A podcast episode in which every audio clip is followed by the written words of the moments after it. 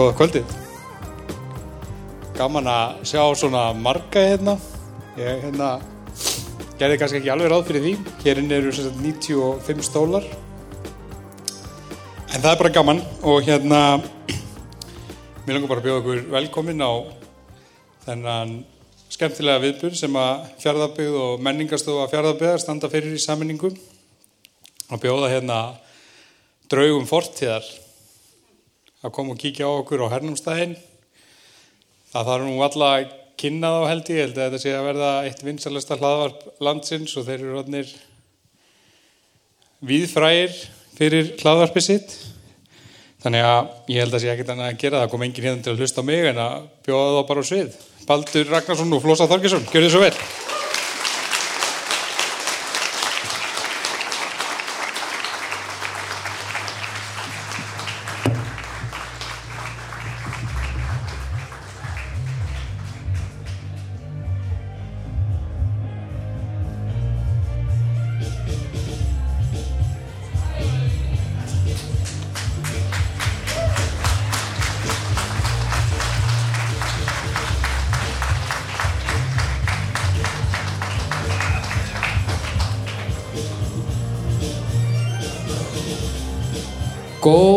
Góða kvöldið Hvað segir þið? Já, þetta kemur allt saman. Er stæð, á ég að lækka stefið ert þú með þetta? Já, ég leif sér, á, þetta er flott, takk. Heyri, gaman að sjá ykkur. Það er ægilega margir hérna, rillilega gaman að sjá ykkur. Uh, uh, Flósi var að átta sig á því hann er ekki búin að tengja tölvuna. Og svo þegar að, að var verið að kynna ykkur inn þá sagði hann er ég ekki örugglega með aðganga netinu? Þannig að við bara við bara fiffum þetta. Neða ekki, Flósi? Já, já, Nei, það er rafmagnarna. Hann er sem sagt sagfræðingur ekki tæknimaður. Bara svona ef það fór á milli mála. Um, en má ég sjá kannski til að byrja með vita allir hvað draugar fortíðar er eða? Má ég sjá hendurnar, hverjir hafa hlusta á draugar fortíðar? Og hverjir hafa ekki hlusta á draugar fortíðar? Já, þetta verður svolítið skrítið fyrir ykkur kannski. Um, bara svo til að útskýra í fljótumáli hvað þetta er. Við erum sett með hlaðvarp. Uh, við erum vinir, búin að vera vinir mjög lengi. Við erum ennþá vinir þó ég að vera að gera grína þeir ekki? Við kynnumst 2003, hann er sakfræðingur ég alls ekki. En uh, við fórum einu sinni til Póland saman og vorum í Kraká og Flósi fór að segja mér frá því sem við vorum að sjá. Og ég lesi eða aldrei neitt. Er alveg bara farast úr aðteglisbrest og bara ef ég horfa á bók þá eh, líður mér eins og hún sé að öskra á mig. Þannig að hann var að segja mér allt sem ég hef aldrei lært. Og þá fætti ég bara hann er náttúrulega bara minn uppáhalds sögumæður og ofbóðslega náðargáðu fyrir að segja sögur. Og mörgum árum setna þá hvað ég að láta verða að því að búa til eitthvað úr þessu. Og ég var búin að vera fyrst af upptökur og og, og þessa dagana við erum búin að gera rosalega mikið hvernig ertu? Ekkert, þetta er allt í góðu, sko, ekkert stress um, Nei, nei. Við erum búin að gera rúmlega 100 þætti þar sem Flós er að segja mér frá einhverju í mannkinn sögunni sem að honum finnst áhugavert og það er búið að vera alveg ægilega gaman og já, hann verður sakfræði mentaður og fórvitin þá er hann mjög vel að sér í rosalega mörgu og ekki ég en ég er rosalega fórvitin og, og, og rosalega gaman að hlusta á hann. Eh, og það er til dæmis mjög fyndið að ég hafi verið beðin um að koma hingað og, og vera partur af þessu því ég er svo full konar vanhæfur. En við getum líka horst í, augu það að ég væri náttúrulega ekki hérna ef ég, ég væri ekki beðin um að gera þetta einn við skulum orða þannig. Því ég er bara með þá skíin sko. Já, þú varst ekki að grínast með nettið. Já, já Það er, Er eitthvað nett? ég held þú verið að slá að leta strengi Já, þetta er en, Ég, ég hefði hotspot. geta kannski spurt aðeins fyrir, ég verði að viðkynna það. Þú hefði líka Ég getað fatt ekki að klukkan verið orðið svo margt. Þú hefði það, já ekki, þú þú sátt fólkið sem er að streyma hérna inn og þú hugsaður bara, já, Ég, ég held að það verður bara að fá sér, tímar í þetta. ég held að það verður bara að fá sér fisk eða eitthvað. Ég, Já, en það er ég, held að, að myndengin koma þetta. Já, hann, hann undirbjóð fullt að segja, svo ákvæðan að hafa það óaðgengilegt að þegar maður svo vissum að enginn kæmi. Prófa allar leið. Ah. Ég get líka nota mynd, kannski. En já, gaman að vera hérna á þessum degi, ha? Þetta er búið að púlar þetta í Ég er búin að vera í ljótu hálfutinu svo lengi að ég get talað með raskutinu á mér í allskvöld. Þetta er, mér, Em, þetta er allt mér að kenna eins og vannilega Í tilefni dagsins þá kom ég í felulitunum, Já, ég, já, kannski. Uh, ef þið sjáu hérna. Aftast, Ég er svona farsima sem eru venjulega ekki að það virkar ekki að vel. Já, En ef það væri herdeild hipstera, þá væri ég sennilega fremstur í þeim hópi. já, Þá kem ég hingað og myndi hertaka húsin ykkar og hella macchiato í augun okkur og, og opna slaufu og axlabanda versta eða er eitthvað. Hvernig gengur rosi minn? Ég er svona verðað upp í skoppa með henni, skulum við segja. Er... Já, ég er...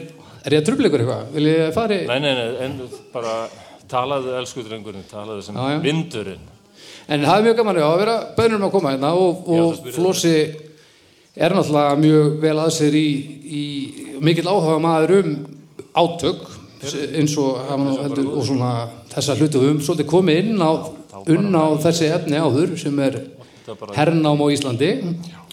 Og það er nú venja þetta verður skrítið fyrir ykkur sem að hérna, sem að hlustið ekki á hlaðvarpið.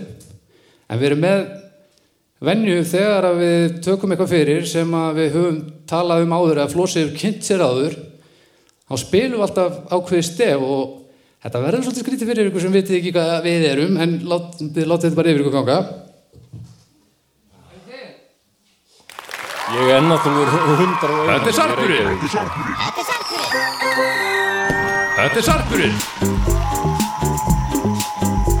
Þetta er sarpurinn. Þetta er sarpurinn. Sarp, sarp, sarp, sarp, sarp Þetta er sarpurinn. Sarpurinn, sarp Þetta er sarpurinn Ég fengur semst remix útgáfa Þetta var viðarnar útgáfa.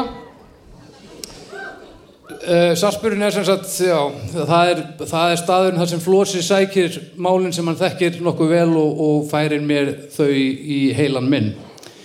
Þannig að þetta var, var útgáfa stefinu sem við erum aldrei heist áður, þannig að uh, þið voru hérna vitni að, einstökum menningaviðburði sem vonandi fer að hefjast einn daginn. Hvernig þið gengur í Flósi minn? Ég held að þetta sé all- allt að komast sko. Held, heldur það? Ég með langar svo að segja þetta samt til öryggi sko. Já, ertu ekki búin að gera Ctrl S bara, Nei, bara aldrei í lífinu eða? ég liður ekkert betur núna sko. Nei, ég er nú ekki beint að Ah, reyna að láta það líða betur sko. Já, já, En þetta er að hafast, ég sé það. já, já, þetta er allt að koma. Já, Ef þetta forrið sem heitir Microsoft Word myndi eitthvað tímann opnast þá kannski gætum við sagt að þetta fólk hérna hafi ekki farið kasta lífið sinna á glæmi að koma hingað og... akkur tókstu hérna með þér gufukrúnu fartöluna, akkur tókstu ekki bara, Ég, hún passar svona best við mig bara á mitt líf veginn Já. sem- já, þú ert gufuknúin, en það er, það var, það er mjög gaman að, að við flósi erum rosalega góði vinnir rosalega ólíkir og það er svolítið svona stemmarinn sem verður til í þessu hlaðvarpi. Það er að ég, ef, ef þú ættir að gefa mér einhvern hversu hæfur ég er til dæmis til þess að vera partur af tölu einhverju svona sa- sagnfræðilegu samhengi ef þú gefur mér 1 til 10 ef 10 Já. er að vera hæfur til þess að halda uh, tölu hvar ligg ég fyrst þér? Fyrir ykkur, hvað sagður þú aftur hérna fyrst? Hvað kom þarna fyrst? hvað Nei, sko, e, e, hversu hæfur er ég til þess að vera partur af svona, svona menninga viðbyrðis líkum eins, og þessum hérna?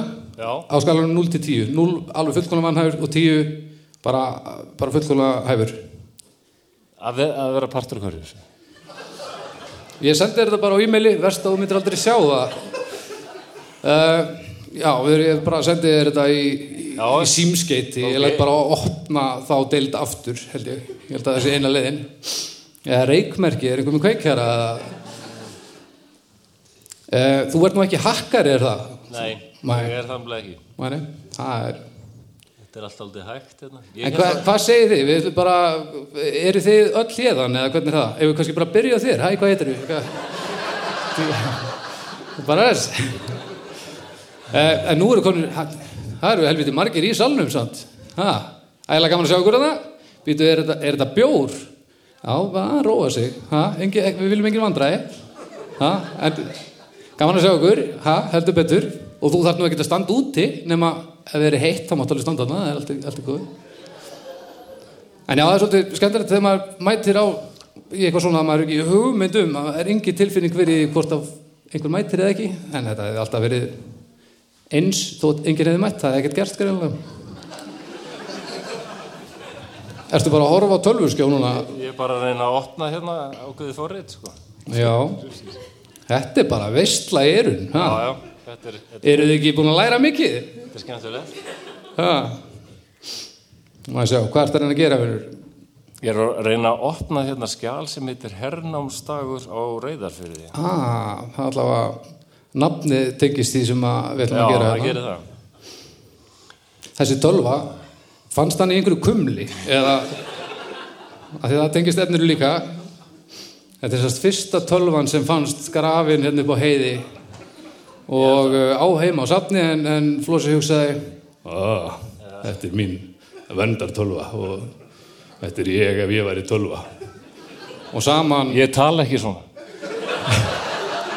þú tala svona sirka svona, Já, sirka En hérna, já, þið eru flott saman sko, það er bara, þið eru ekki að fara að slá inn hér að smett nei, nei, ég veit. uh, Hvað ertu að reyna, hvað ertu svona í álunum að reyna að gera? Ég, þú veist, ég er alveg nokkuð vel að mér í tölvunum Þú ert ekki að gera neitt tölv, þú ert bara En, jú, ég er að reyna að opna þetta skjál. Ok, Það heitir Hernámsdagurinn. Vilt þú ekki bara byrja á ég að reyna að opna þetta og þú getur bara að byrja að tala í róluturum og ég skal reyna að finna út úr þessu Er það eitthvað? En, nei, og ég ekki bara að halda ára Og svo er hann svo opinn og, og hérna jákvæður, það er líka annað. En uh, hann er eins og er ekki mentaður í því, hann er mentaður sakfræðingur og það er þessi ást á öllu sem er búið sem við býðum eftir. Við getum til dæmis haldið tölum uh, upphafið á þessum, þessum viðburði hérna eftir pínu. Þetta er að fennu í sakfræði bækvöldna fljóðlega, held ég. Það eru einhver, er ekki sakfræðingar í salnum eða? Já, er einhver að taka Já, þetta, er- er einhver að skrifa þetta niður eða bara það sem er að gerast þetta? Þetta er geggjað. Þetta er rosalega dæmi gert, sko. Er þetta komið? En, Er þetta komið? ég bara veit það ekki, sko. Ég, Opnaður bara eitthvað ég fekk rosalega lítið af gjöfum við fæðingu og þetta er eitt af því sem ég fekk ekki. Þetta Ég get, ég get guttlað þess á gítar. Ok. Þú veist að ég get lesið og munað sæmilega það sem ég les. Þú komst að því í Pólandi. Akkurat. Ég er samt ekki góður námsmaður. Okay. Ég held þetta sé allt pappa minn um að kenna. Af því hann skýrði mig flosi. Já, ég heldur að Þegar vera að koma, að að eitthvað svona sagfræðilegt, þetta er trúnó sem sagt, við, við erum komin, velkomin að trúnó. Já, ég virðist flosnað upp úr öllu sem ég tek mig fyrir hendi. Þannig að ég held að þetta nafn hafi orðið einhvers konar bölvun á mér. Ok. Og ég átti hræðilega yfi. Stelpur litu yfirleitt á mig svona eins og maður, það var sama lúk og maður gefur kvalsræ sem maður gengur fram á rotnandi í fjörunni. En þetta er ekki, ekki sjálfsóskurna dagurinn, sko. okkur ekki. Góð spurning. Ég held að reyðfyrringar var að vorkenna sjálfur sér í dag. Ó, við vorum hernu minn, æ, hvað það var erfitt. Eða var það kannski ekki svo erfitt? Það er spurningin.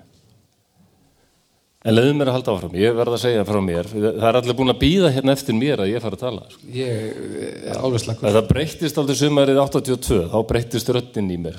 Ég man þegar sætasta stelpan í bekknum bað mann í strætó og færa sig svo hún geti sest við hliðina á mér. Það er ennþá líklega svona stórkostlegasta atbyrður sem ég hef upplifað á æfinni. Það sem ég tek út úr þessu er að ég er mjög fegin og varst ekki með þessa rödd sem. Fimm, Það hefur verið hræðilegt. 15. september 1982, það, já, Ok. það var góðu Já. dagur. Ok. En það er annað að vera með fallega rödd og svo er annað að beitinni og ég uppgötaði það svona the hard way. Það skiptir ekki ef maður er að tala við fallega konu og það skiptir engum máli hvort maður skrækur eða dimrataður, hvort maður segir halló eða halló, það er alveg það sama.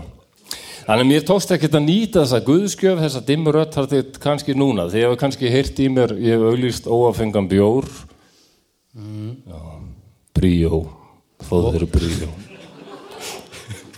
langbestur og svo hefur verið auðvitað hverfakostningu í Reykjavík Já, eru þið ekki öll, er ekki allir til í það? Já. Hvað ert að tala um? Þa, það er hérna hverfakostning er rosalega fyndið dæmi. Og, og frábært. Þið ættu kannski að taka það nei þið eru glæð með eitthvað sipað þið eru, já. Þið búið í einhverju hverfi Reykjavík og þið getur komið með uppástungur. Og ég veit ekki hvort einhverju ykkar hafi síðan Hagatorg. En það er á milli það er risastórt torg, ringtorg allt of stórt. Það sem er Hotel Saga og Háskóla Bíó og það er mörgum sem finnst að á eitthvað að vera á þessu torgi. Það er óþólandi að sjá þetta svona tómt. Þannig að einn vinnum minn sem heitir Markus hann tók sér til einsinni og kom með uppástungu í hverfakostningu að þannig hefur reist stitta stór stitta 30 metra há. Uh, af frekar svona frægum en umdeldum manni sem hétt Vladimir Ilyich Ulyanov rétt upp hönd sem vita hvað ég er að tala um. Já, það gæti nú verið ok, en þið með ekki kæfta eins og prins Elton John og Madonna þá var hann með svona listamanns uh, nafn, sem er skrítið að því hann var ekki listamann veistu hver þetta var Baldur? Nei. Þátti- þættirnir ganga mikið út að ég er að segja honum að því hann veit ekkert eiginlega um neitt Nei. nema að spila á gítar í því. Ég veit ekki hver þetta er, en ég veit Nei. hann var póser. en, en þú hefur reyndar eins og sagt að þú hefur byrt mynd á sem mann á Facebook og þú sagðir er, Flós, er Flósið Þorgesson í Rúslandi árið 1920 Já. Já, Lenin. Já! Já, alveg rétt. Akkúrat. Þið kollegaðir. 30 metra stitt af Lenin maður Ó. beint fyrir framann Háskóla Bíó Hvernig fór kostningin?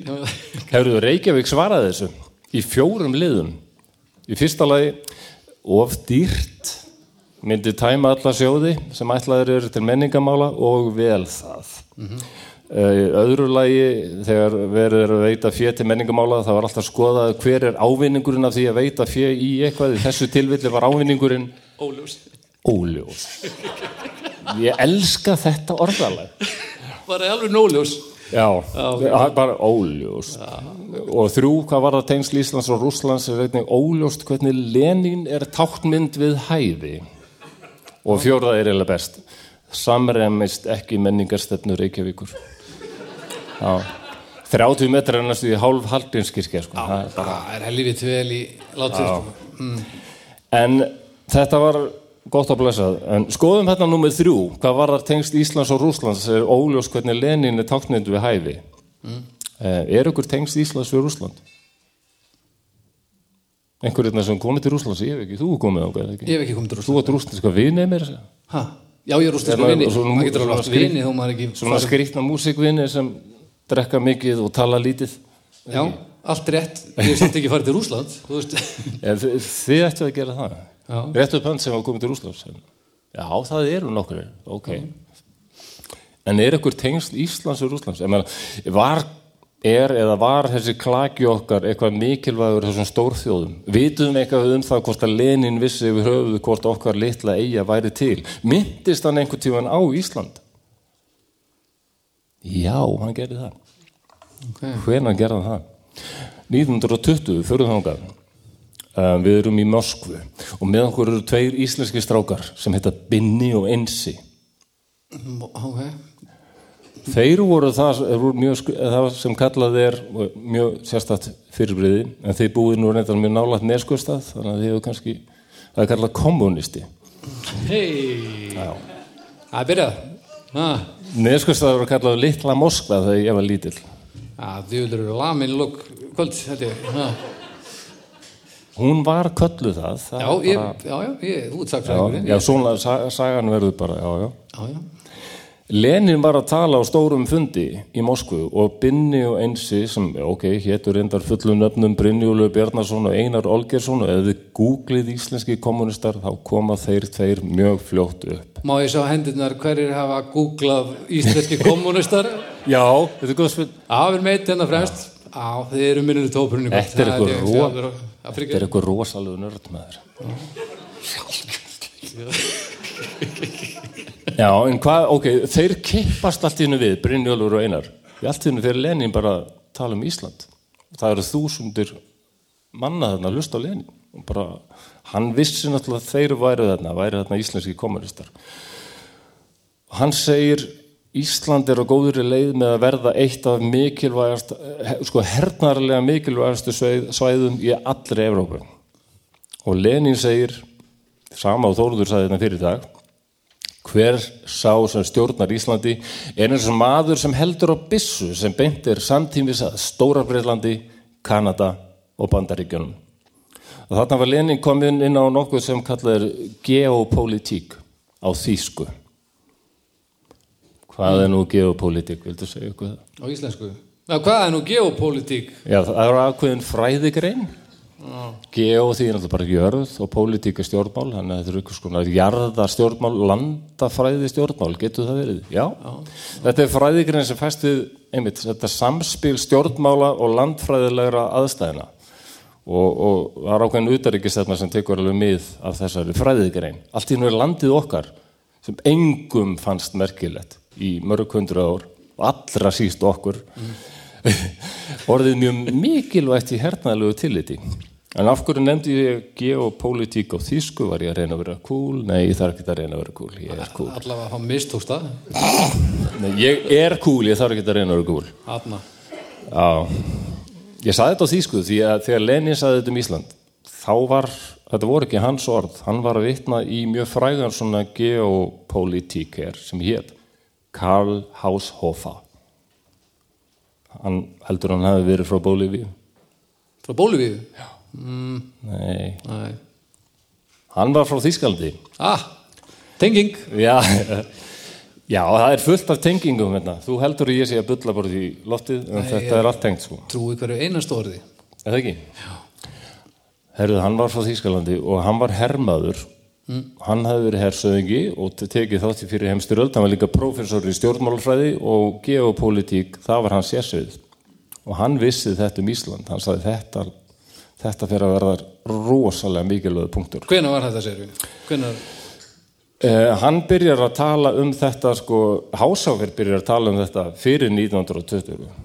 Bara strax í fyrir í heimstyröldin. Þá er hann farin að, þá er alltaf komnar flugvelar Já, flugmóðurskip, kábátar, hann sá það alveg þetta yrðu mikilvæg hernaðartól en, framtíð. en þessar pælingar út að koma einmitt með raðari ferðamáta þetta er ekkit, þú veist, ef þú gast bara sint þá var enginn að pæli, já, ef- þú getur sint til Grænlands þá ertu í góðum málum hérna í fyrstu heimstyrlutinni þannig að það þurfti svona þurfti ákveðin búna til þess að fólk fara að hugsa svona Já, og það það er þessi hernaðartól sem voru að verða til í já, fyrir þetta heimstyrjöld. byrjar samt svona snemma Já. Og það er alveg eins og Þórður sagði í dag, fyrir heimstyrjöldum var kannski svona daldið blanda af svona gamaldags hernaðar að, aðferðum en líka daldið nútíma stríði, sko. Menna, vitið hvernig buksur franska hersins voru á litin árið 1914? Við með því giska. Þú veist þetta alveg, mátt ekki giska. Þær voru rauðar. Og hvaða hermaður myndi fara í stríði í dag í rauðum buksum? já, það er, það er ekki góð mynd Þeir komast líka því að þetta væri vond hugmynd. Þetta var eiginlega afarslæm hugmynd. Þannig að þeir skiptu fljótt yfir í gráar buksur. Rósað ljós að komið. já þetta er svolítið skemmtilegt já, mér finnst þetta skemmtileg er bara, Um, það, var- það var einn af nefendum Kar Karls Hásófer sem leit rosalega upp til hans. Um, það, það er eiginlega frægari maður heldur en Karl Hásófer. Hann hétt Rudolf Hess og hann var fljótur að segja uh, vini sínum sem hann leit mjög upp til frá þessum hugmyndum. Og sámaður sem er nú frægustur þeirra allra held ég hann átti eftir að nota mörg að þessum hugtökum Karls Haushofers mjög mikið, sérstaklega eitt Lebensraum sem þýðir lífsrými. Og nú er ég að tala um Adolf Hitler Þetta var alveg þekkt hugtak í Þýskalandi upp á 1900 lífsrými var eitt af þessum helstu markmiðum keis- keisaraveldisins í fyrir heimstyröldinni og gekk út af það að það er þrengt að Þýskalandi til ömulegu danir fyrir norðan okkur og þessi pólverjar hann í austri og hollendingar við, að, við erum stórþjóð við þurfum að stækka Keisarveldið klúðraði því alveg rosalega en þá kom fram ennþá harðara gengi sem kallaði þessi nasista og þeir elskuðu þessa hugmynd meira heldur en keisarveldið og Lepensrám, þetta var einn helsti kvatið þeirra til þess að hefja síður heimsturöldina, mörguleiti og var eitthvað svona þunga miðjaði þeirra hugmyndafræði, allt til enda Lepensrám þetta, þetta, er, þetta er svona orð sem fær marga sem hafa kynnt sér söguna til að bara uh, Það er líka bara eitthvað svona slepjulegt já, Lepensrám Það er svona klístrað orð Já, það er það. Geti voru svona 70s þýskri klámynd eitthvað. Já, já. Bara svona einhver svona, og, lepur, svona einhver já. þýskur frómas sem var bara laður til hliðar að þeim var bara ógæsluður Hefur þið getið að auglýsingar í löndum eru mjög svona misarnar. Það er alltaf, alltaf með maður fyrir Breitlands, það er alltaf mortgage, mortgage, mortgage, alltaf þetta borga, Já, taka eitthvað láni og hérna, veð í íbúðum með opsala leiðilegur auglýsingar. Kemur til Þýskalands, þá er einmitt alltaf eitthvað svona fómas eða jógurt. Og... já Hvað, hvað alltaf sé enginn þetta fyrir Ísland? Bílar eða ekki?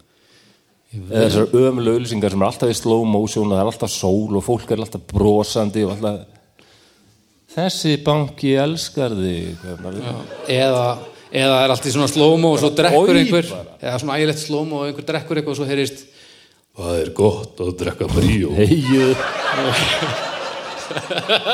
Haldið kjafti. Það er gott að drekka bríó. Það er ljómandi sko. Já, hann er að þjóðar vissu þau vel af þessari skambissu hans Háshófers í Norðurhöfum sem var klakin okkar elskaði og hvað það gæti verið mikilvægt að ná þessu landi. Og ég ótt spáði það að allir þjóðverjar og narsistar hafi bölvað öðrum mjög frægum þjóðverja sem var kallaður Járnkanslarinn Otto Bismarck sem var frægur fyrir að lemja í borðið og segja sko vandamál samtíma sem verða ekki leist með mála miðlunum eða samninga umleitunum þau verða aðeins leist með járni eða blóði. Ok, rólegur. Ég held að enginn hafi haft vit á því að segja það við hann. Getur við ekki bara byrja að spjalla þess getur getur ekki aðeins slaka á? Sko ef eitthvað bjóð til Þýskaland þá var það Otto Bismarck. Og hann, hann gerði það eiginlega í járni og blóði sko.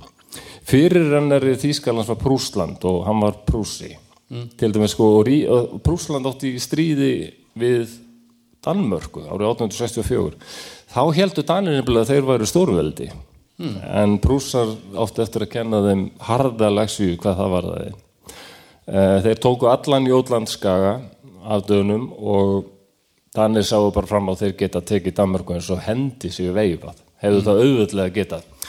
Og í dauðans óbúði þá bjóða Danir frið og hérna ah, Ég mun aldrei sjá aftur en takk. Danir áttu alveg ykkur landsvæði. Þeir vissu að þjóðverjar brúsar voru spenntastir fyrir Slesvík og Holtsetalandi eins og það heitir í Íslandi Holt hvaðunur Holtsetaland Já, já, ja, við, erum alltaf, við búum alltaf til okkar eigin útgáfur af já Já, þetta heitir Holstein við á íslensku Holtsetaland. Þeir vildu náttúrulega fá það. En Danir voru ekkert spenntir fyrir að losna, að losna við til dæmis Slesvík, það sem byggum mjög margir Danir. Þannig að þeir buðu prúsum hérna, við, erum með þessa eigu hérna, sem er alveg bara fokk vesen að vera með. Sko. Bara eldfjöld, nei þeir eru auðvitað reynd að selja þetta eitthvað svona, hérna, viljið ekki fá þessa eigu hérna? En buðu prúsum það. Og ég hugsaði sko, fyrst ég sá hann loga hérna í þýsk, þýskara búningum, búningum sem við komum hérna, verðum endum hérna hlaða, fyrsta sem sá hann var þýskur hermaður og reyðhjóli. Já, sem er bara mjög selgeft Með hjálm og allt. Uh, og ég hugsaði, hvað, á hann að vera í þýskum búningi, á hverju hann ekki í amerískum? En það er náttúrulega svona hluti af sakfræði sem kalluðu hvað ef sakfræði. Mm. Sem mér persónulega finnst ekki drosalega skemmtilega því ég er kannski svo leiðilegur, en sum, sumir elska. En þú ert náttúrulega sagfræðingur þannig að það er bara þvert á allt sem að þú kannski tilengaði þér Þú vilt vita allt sem er búið og hitt snýst um að vita allt sem er kannski ekki búið Já, nákvæmlega, það er, er nákvæmlega. Skildi einhver það sem ég var að segja Ég fekk Jú, jú. bakfanga í þannig. Ég var hálfnaður og bara. Já, það, það sem hefði geta gerst og hversu mikla líkur á því að það hefði geta gerst. Já, ég er hins vegar miklu betri þessari sagfræði en þinni sko. Sumur eru mjög heillaðir að svo og þarna, það, þessi sakfræði er oft, hún daðra svo mikið við skálskapin. Sko. Um, Hvað er kindur ef aldrei ef, verið til og ef svona. prússar hefðu bara sagt já og Ísla, Ísland hefði bara orðið prústnest 1864 Já, við höfum bara, værum ennþá gangum með hjálma með svona Pinnana þarna? Já, Já, það var líst þér á það? Það bara, við erum allavega hryllilega, við erum hryllilega asnalega bara og einhvern veginn, þetta er svona Þetta hefði örgulega breytt aldrei mikið fyrir í heimstyröld sko. ef hérna hefði verið þýski flotin hefði verið með hafnir hér og eitthvað svolítið, það hefði verið mikið vesum fyrir breyta en það er ólíklegt að breytar hefði bara hreinlega nokkuð tíman sætt sér við þetta að einhver, og, og, og breytar reyndar ég hef alveg komist í að því ég stútur að þorskastriðin svo mikið það er alveg að reynu við erum á bresku yfirraða svæði og við erum það enn þann dag í dag, bresku og bandarísku. Og norðmunum er heldur aldrei sama hver ræður hér. Breytan munu aldrei sætta sig við það að hér ráði einhver sem er þeim ekki vinvættur.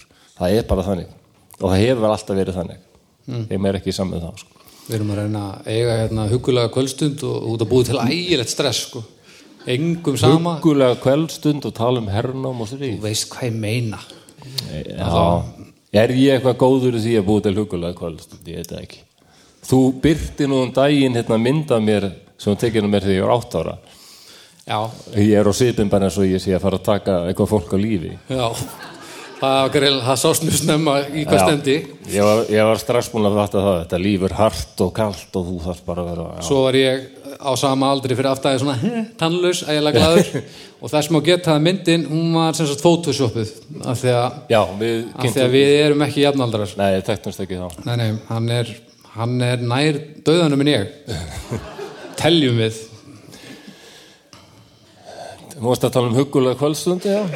Já, ég saði aldrei ég væri góður í en, en þú veist, Ok, fyrir setna stríð þá reyndu þjóðirar mjög að koma sér í mjúkin hjá okkur.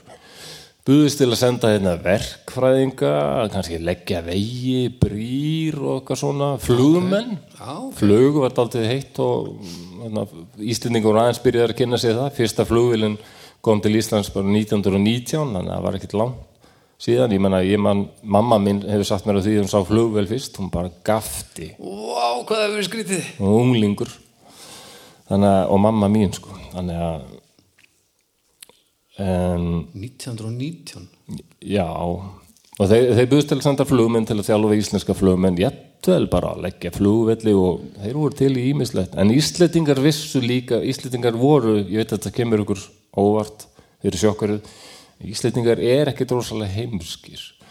Maður heldur það sérstaklega þegar maður lítur í speilinu en Íslendingar vissu alveg hvað geopolítík var og vissu líka að í söðri fylgdist stór nágranni grant með því hverja við töluðum við og var ekki sama. Svo Íslendingar voru alltaf bara næn, næn, næn takk, but næn, næn go away please. Vá, Og hérna, já, kunnu, voru- kunnum við mörg tungumál. Svo, Næn, kem, svo kemur stríðið og þá ve- velta þjóðverðar fyrir sér hvort að sé hérna, mögulegt að ná Íslandi og þeir byggu til áætlun sem kallast Íkarus og ég oft séð fólk sko, miskila hvað hernaðarleg áætlun er. Það þýðir ekki við ætlum að taka Ísland heldur er bara skoðað getum við það, hvað þurfum við til þess, hvaða mótspyrnum myndum við mæta og er þetta bara gerlegt? bara brainstorm fundur. Ja, eiginlega sko. Og að þessu ferli þá verður oft ljóst hvort þetta sé, hvort þetta sé gerðilegt Já. Og Erik Ræder sem var þá yfirmaður krigsmarínu þýska flotans, hann sagði þetta er ekki hægt við getum þetta ekki, þetta er allt og mikið vesen og breski flotin er allt og sterkur. En og segði að Churchill kom hingaði heimsátt þá sagði hann Íslendingum ef þetta hefði gerst þá hefðum við reynt að ná Íslandi aftur. Og þá hefðum við sent ykkar her og flugvelar og það hefði verið barist út um allt land og fullt af hermönnum og, allt var ég að hafa loft basically. Og ekki skemmtilegt. Næ. Já, tíundum. Þannig að við getum þakka þessum þýska brainstorm fundi eh, því að Já. þetta fór ekki verið en það fór. Þetta, nei, nei, þetta er það, það, ég held að Erik hafi alveg tekið rétt ákvörðun. Þetta hefði verið allt og mikið verið sem fyrir þau þeirra en þeir voru líka pæli í þessu lepensrám, auðvitað vissu þeirra þessu geopólitík og Íslandi og, og mikilvægt en þeir voru svona, þeirra hugur og sérstaklega Hitlers var ekki vestur heldur eða í hináttina austur, það var tilvalið lepensrám þar bjó sko bjögu þjóðir sem voru untamennus eða ekki, ekki arjar það voru slafar sem myndu vera tilvalin þræla þjóð fyrir herra þjóðina þegar þyrst að hérna, byggja risastór samirkjubú og, og hérna, rekta mi- mikla akra. Þá þyrftur að hafa marga sem myndu vinna á þessum ökrum og hverjir myndu henda það betur eru það styrlaðir fundir þegar maður er að taka Já. svona tóka, taka svona spjall og allir Ég er bara já, gerum þetta bara. Þetta er alveg klikkað. Þetta heimsturinn er rosalega klikkað fyrirbliði og er eiginlega, finnst mér alveg spes styrjöld í raun. Öðru vísi en hún nokkur önnur mennur bara. Hugmyndafræðin er svo stór hlut af henni sko. já, já. Um, já, brettar hernama Ísland 10. mæ 1940 nei, eh, afsakið Reykjavík, hernama Reykjavík 10. mæ 1940 Það er náttúrulega hernam ekki allt Ísland þá rétt Þarna hugsa ég eins og 101 maður þarna, nú, nú eru við aðeins minna landir Ég veit Reykjavík er ekki Ísland fyrir ekki. Og svo hernámuður Reyðarfjörð Var ekki annan júli Er það ná upp á dag? Fyrsta, Fyrsta? júli, já já, eru komið snemma Ró- Það er rosalega lengi að keira maður Ha?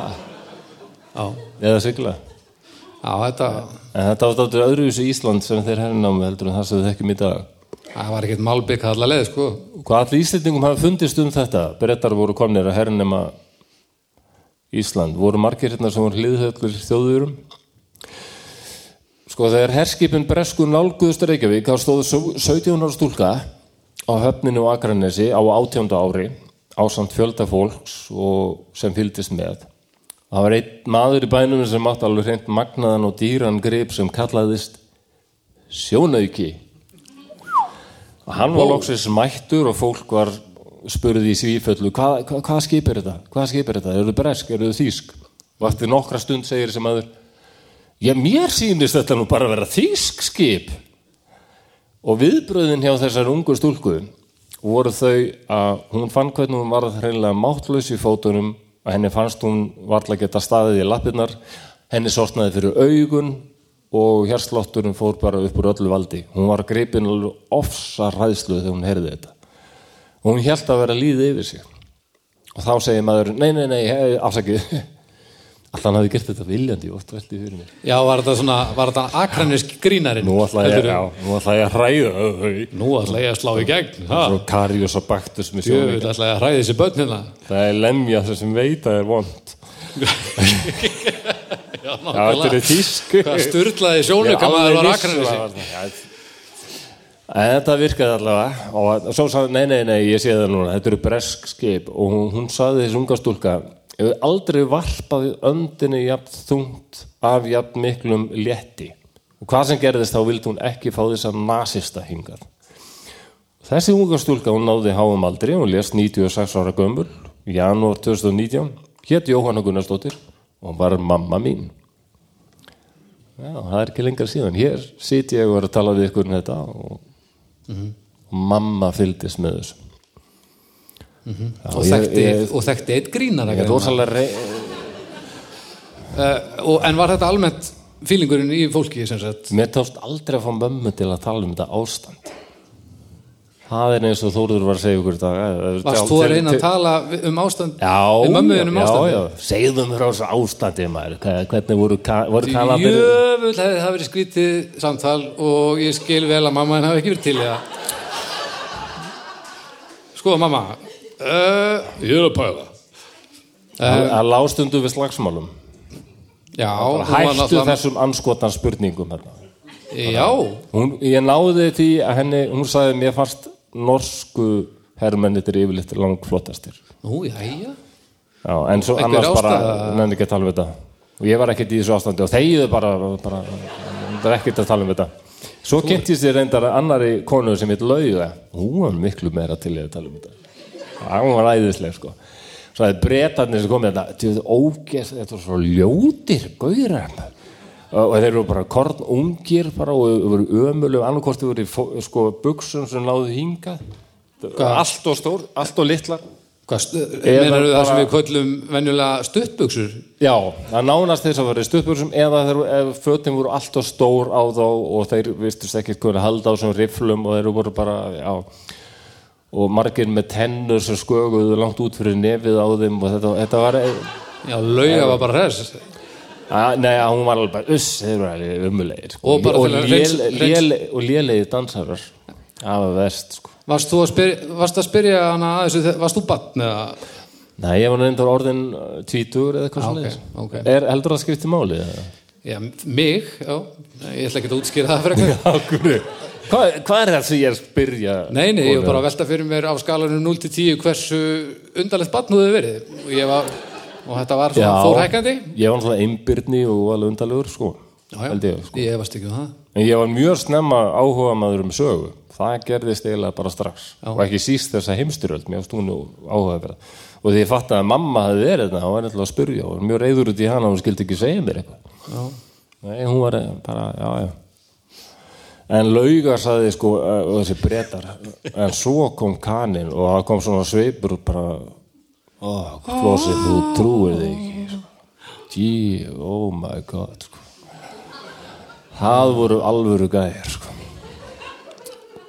og þá er reyndar var ég eða farin að púla dál baldur já ok, eh, þú þarft ekki að segja mér ah. ég, Jæja, þá þarf ég að fara Mér fannst hún vera bara, já, alltaf að fara að segja ómikið, sko, það var komið trygg.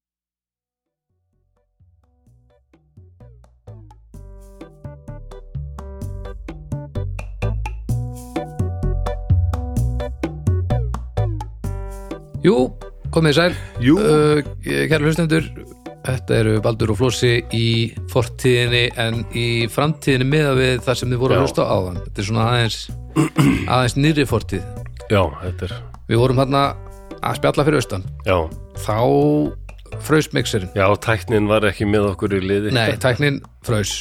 Og þá vantaði gó- smá slurk inn í upptökuna og við ákvæmum að leysa það þannig að því að þetta er skemmtilegur þáttur og skemmtileg skemmtileg dót þarna. Já, að þú myndir bara bletta í það sem vantaði upp á hvað varstu að ég var greinilega eitthvað að segja frá mömmu og hvað hún var leiðinleg.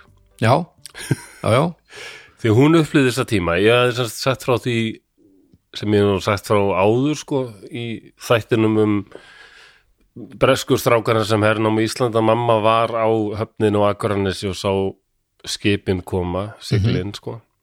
já. En, en hún vil aldrei segja mér neitt mikið um þetta ástand. Nei, já, akkurat. Þú varst að segja, já, fólk var að hlusta á þetta rétt á hann um mitt já, mamma var með sko mamma er vestfyrringur og hún hérna ég held hún hafi verið með eitthvað svona baska síkuðuna blóðið eitthvað sko. Þú heldur það, já, já, hún var með þessi dökku augu og svona, já, það er einu eða það faukaði síðan þá fekk maður bara svona já, Fyrst svona augnatillit sem bara sem bara baskar geta já, ég meina, hún, hún sagði líka hún hefði sko sett bölvun á fólk og svona sko. Hún gerir það? Já, var einhver leðilur náungi einhver lögfræðingur sem henni var illa við og hún, hún sagði að honum hemdist fyrir ílskur sína. Það kviknaði í bílskurnum hans ok, og sonur hans varð aumingi já, þetta heitir bara íkveikja. hvort hún væri, hvort hún væri hérna þetta heitir íkveikja, ekki að leggja bölvun ég fyrir að bara hvort hún væri með svona síkuna þú veist að leggja bölvun hana, evil eye og allt mér þetta. finnst hún hafa bara sturlaður brennuvargur. Nei, og mannhattari. Nei, ég held að hún, hún hefur fengið fe- já, ég held að hún hefði líka, nei, ég held að mamma hefði verið sko galdra kona eitthvað, sko. Galdrakona? Já. mm og ég held að hún hefði verið með her uppvakninga.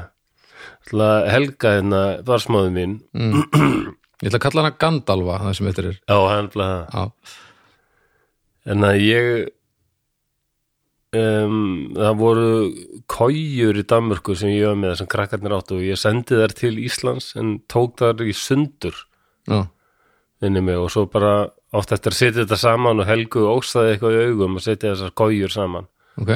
Svo nefndur hún þetta, þetta eitthvað um mömmu þóttu við varum skilin, þá var mamma alveg í sambandið og allt í góðu sko. já, og mamma bara, já ég retta því bara ég ringi hann Sigvað eða Ómar eða eitthvað mann sem hún nefndi sko. mhm. Og Helga bara, já og hver er það? Það er bara svona trésmiður sem ég kannast við ok, Já, og svo bara einn daginn þá bara bankað upp og bara maður hérna. Mjög svona fálátur maður og eiginlega með svona fjarrænt augnaráð. Já, ég kom að hér setja kóju saman. Ah, Jóhanna senda mig. Hún var bara heima með dúk, út úr dúkuna ég held að þetta hefði náttúrulega verið draugur sko. ég held að hún hafi vakið upp trésmiðadraug. Hún, hún var svo rosalega mikil sko Sett hún Galdrakona. Sett hann saman, saman eða? já já alveg bara Geta draugar mál það? greinilega Reynilega, já, við getum en ok Þetta Já, sagður ekki, mamma- mamma- þetta sagður ekki man Nei, nei. nei, nei. En mamma vildi ekki tala um þetta ástand og bara hún sendi mér þetta auðnar á það bara líki, ég Já. veit ekkit um það og hérna, líklega veit við svona ekkit um það. Hún náttúrulega hefði eignast barn þarna 1942 og það náttúrulega Já, var eiginlega ein, einstæð bara 20 ára gömul eitthvað, nei, jú, 20 ára gömul með barn á þessum tíma sko, já, já, og ekki gift og svona, þetta var, var erfitt sko. já, já, já flókið. En uh, já, svo er ég byrja að segja, ég sagði frá því hérna, ég var svo að vinna með konun sem mitt lauga og hún var nú alveg til í að tala um þetta ástand. Já, Eða þannig bara, ég var hrættur um hún alltaf að fara í bara gory details. eh, alveg bara erum í smáatriðin Já, Já, en já, já, þetta er svo sem allt þarna í þetta, þannig ég er kannski bara endur taka það sem já en sem, núna varstu eiginlega akkurat komin að staðnum þar sem að, að þetta kvættaðist þannig að Já, já, það ok. tók nú ekki nema þessar tíu mínútur eitthvað Í, já, jú, ég held, já, það var tekið fram bara hvað breytarnir voru, Já, þetta voru náttúrulega bara einhverju unglingar sem og algjört vara liði bara mest allt menn sem hefðu ekkert fengið en herþjálfun bara. 18-19 ára strákar sko. Já, já, já. og bara og hérna og breski hérin var illa í stakk búin sko. Mm. búningarnir sagði hún lauga sko þeir voru kannski allt á stórum jökkum og allt á stuttum buksum og þetta var svona lélegt, svo kom kanarnir og það var, þeir voru svo flottir ægilega glansandi vinnir það var náttúrulega próf það var alveg atvinnu hermenn sko, sem kom yngar, það voru alveg hermenn sko. Já, erum við konur inn til að drepa eitthvað? Að- mikill munur á því sko. Já. Já, já, já um, um, ég held að það hefði dottið út hérna að sko ég er mjög ánægð með þetta safnaðna hjá þeim. Þetta er eiginlega eina svona alveg herminja safnið á Íslandi. Já, uh, uh, sko já, ég hefur eitthvað að tala um það það sem minningar sko, það eru minjar. Mhm. Uh, hlutir sem voru notaðir og voru notaðir að herliðinu og eru kannski ennþáði notkun meðal einhverja mhm. Um, minjar geta verið líka annað en bara einhverju hlutir. Það geta verið sko bara einhverja tilfinningar eða bara sko efnahagurinn vankaðist atvinnuleysi minkaði samskipti ólíkra menninga heima. Já, já. minjar geta eitthvað sem hafði rosalega við, viðtæk áhrif á samfélagið. Já, þetta gerði það svo rosalega. Um, já og svo var þetta með ástandi ég byrjar að tala um það þarna. Og ég náði vist ekki að segja sko það er ekki oft sem langar að drepa eitthvað en, en ég heyrði leiðsögumann ég stundum svona stolka leiðsögumennir í bæ sem eru já, með túristæði, yfirleitt eru þau nú bara mjög fínir allir, já, en það ég stundum heyrti í sumum og ég fengi svona alveg kjánarhald sko. Ok. Það var til dæmis eitt gauður sem var að segja öllum frá the situation. The The situation. Situ we had this in World War II with girls and uh, American soldiers. It's called the situation. Já, hvað myndir þú kalla annað?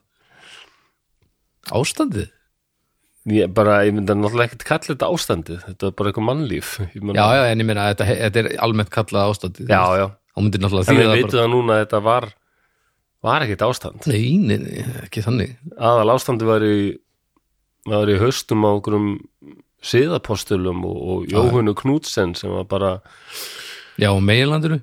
já og svona inn í þetta blandaði svona nánast eitthvað svona svona fordómar, svona stjætta fordómar sko. Já, já, já gagvart fátækum fjölskyldum og þeim sem voru komu ekki í fínum heimilum. Það væri svona verra fólk. Já, og, og það er stelpur væri nú bara algjör að dræsur en, Já, já, það, það við vitum meira um það núna. Já, um, nei og svo bara ég veit þetta eru alltaf Íslendingar haldið þetta hefur alveg sér Íslands fyrirbrið þetta var náttúrulega allstaðar og hefur alltaf verið allstaðar það sem kemur mikið af ungum mönnum á besta aldri og hérna, Já, þetta er hagnaður í, í samfélagið. Já, já, já. Það er gíðalegur uppgangur hérna í og ég man ég sagði frá því fyrir austan að ég held að það hafi dottið út að ég man eftir því að það kom einhvern tímann ítalst herskip. Mm. bara 80 eitthvað. Já, og hérna það voru bara einhverju 1200 ítalski sjóliðar sem bara fóru henni í bæ. Og náttúrulega hjarta knúsararnir mættir. Já og bara stelpurna voru náttúrulega alveg bara bara frábært. Já og ég bara það voru svo mar margir sem voru algjör bara hérna- mistara snild að fá svona slurk í já bæinn og sumir eitthvað að gefa skíti í stelpurnar og hérna sjáur sér stelpurnar Já, já. hlaupa bara eftir það þessu. fann náttúrulega bara að segja öllum að gróthalda kæfti Já, og mér langar oft að segja sko bara, þarna væri nú samt bara eitthvað 18-19, mér langar alveg að segja bara, góður, ertu búin að sjá þessa strák? og líka bara Þeir fá mann alveg til að bara maður finnur bara hvernig heterosexuality bara, gag, ég, mað, Hann ég fann bara hvernig gagkinneiðin bara hún dopnaði og föllaði þannig að bara hún var að berjast fyrir tilveru rétti sín það er ekki eðlilega fallegir menn. Glæsir þetta er og svo kurteis líka og svona brósmildir og í þessu fallegu búningum það er alveg rosalega sér svo margt sem íslenski karlpenningur var ekki á þessum tíma Já, líka það og ég hugsaði líka bara ef þetta hefur verið öfut, ef þetta hefur verið 1200 ítalskar stelpur já, já. Já, ég meina Hefðu, hefðu íslenski karmið þá bara, nei, ég snerti þess ekki. Ég vil ekki sjá þetta. Henni, kallar eru náttúrulega og hafa alltaf verið hálfvitar. hræstni Já, hræstnarar og hálfvitar. Já, inn í þetta blandast eitthvað svona þessi dýrkun konan á var reyn og hérna, fósturlandsins freyja og Nei, þetta. er að- megu ekki eh, það er ekki að sama að vera gleði maður og gleði kona og Nei, það er líka bara, þetta er bara svo klassist Þú veist, ég held að sé engin til dæmis engin partur af píkuri, hvorki að utan í innan e, er ekki nefndur eftir kalli. Þú veist það er alltaf, allir partar píkunar heit eftir einhverju manni sem náttúrulega fann þetta eða eitthvað. Já, það er engir engir, engir partar píkunar eru e, nefndir eftir konum en þú veist, þá náttúrulega kallarnir voru læknarnir og fundu eitthvað já, já, Þetta er magnað, flott. Alvöru? Já, þetta er allt saman svona helviti magnað, helvitis kallar Já. Ekki að, þú veist, ég er ekki, á er ekki að tala um píkukallana sérstaklega, heldur bara almennt kallar eru hálfvitar. Ég, ég þóla þetta við þóra ekki sko. Svo konur með ekki bara drekka sér blind, blindfullar eins og aðrir og bara gera allt það sama sko. Þetta, já, þetta er bara Nei, þetta, hún er búin að drekka sér blindfull það, það má nú bara reyna eh, bara notfæra sig það. þetta er þú galið sko. Ógeðslegt. En það er, er, það er ekki til í þetta lengur og við höfum ekki verið til í þetta heldur. And the situation Situation maður. Já, það þekktist náttúrulega líka í löndum þar sem hérna þar sem þjóðir voru. Já, þjóðir voru ungir, fallegir, flotti menn og bara æskan er einhvern veginn já, já, öðru vísi bara og á þessum tímum, ég, það ég er náttúrulega lesið mikið úr setni heimsturöldina að þetta með þess að dauði og eyðilegging er allstaðar sko, Já, og hérna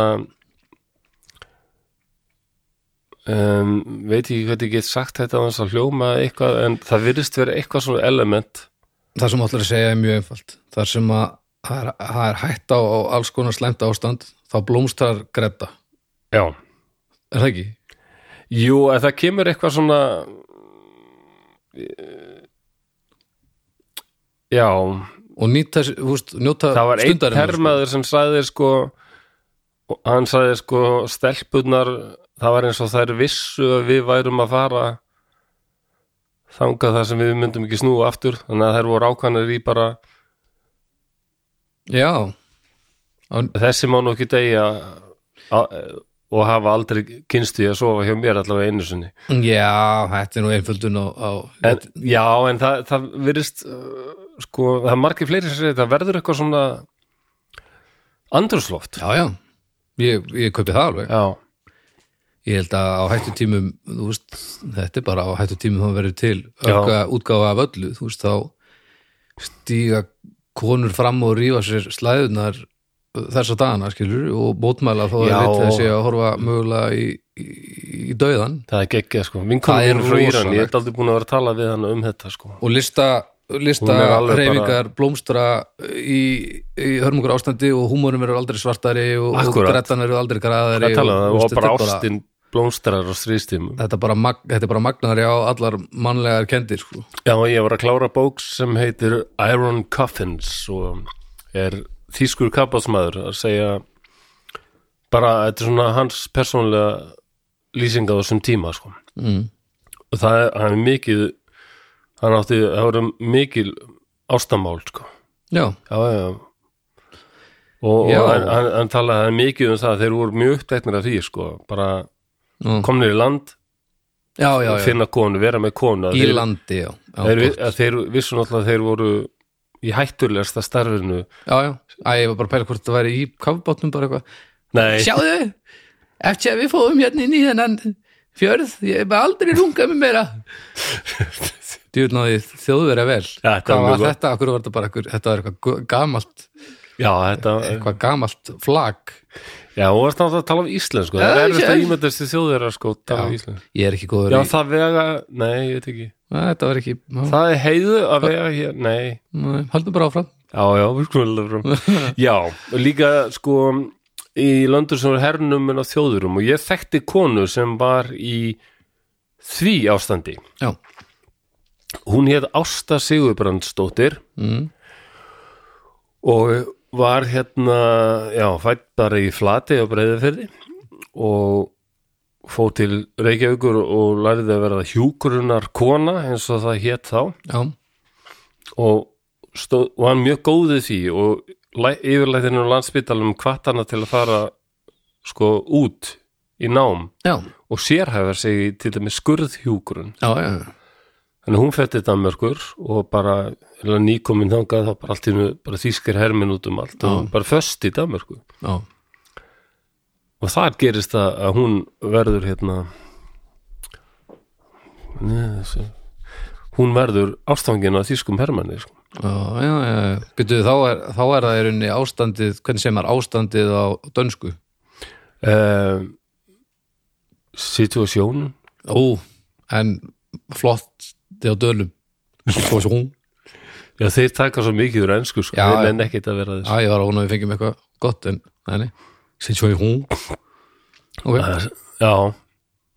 Um, Ég las æðursögunar ástofu, ég kynntist henni líka. Ég fór en, til Finnlands þegar ég var 19 ára með önnumari vinkonum minni og, og tveimur öðrum vinum okkar, fórum fjögur. Mm, og Anna María er halvu finni þannig að hún þekkti svo marga og við gistum eða bara hjá fólki hér og þar. næs og meðal annars ástu sko. Mm, hún var alveg ma- magnaður karakter. Og þessi bókanar mér finnst að fleiri ætti að lesa hana. Ég held að þessi alltaf fáið sem að lesa hana. Þetta er alveg magnaður lífslöf sko. Ok, og það ætti alveg að þýðan á finnsku eða það er ekki búið að gera það. Um, hún verður ástfangin af þýskum hermanni í Danmörku sem var náttúrulega ekki alveg ekki allir hrifnir af því. Nei, nei, og það er eins og hann Hermann hana, nei Herbert Werner.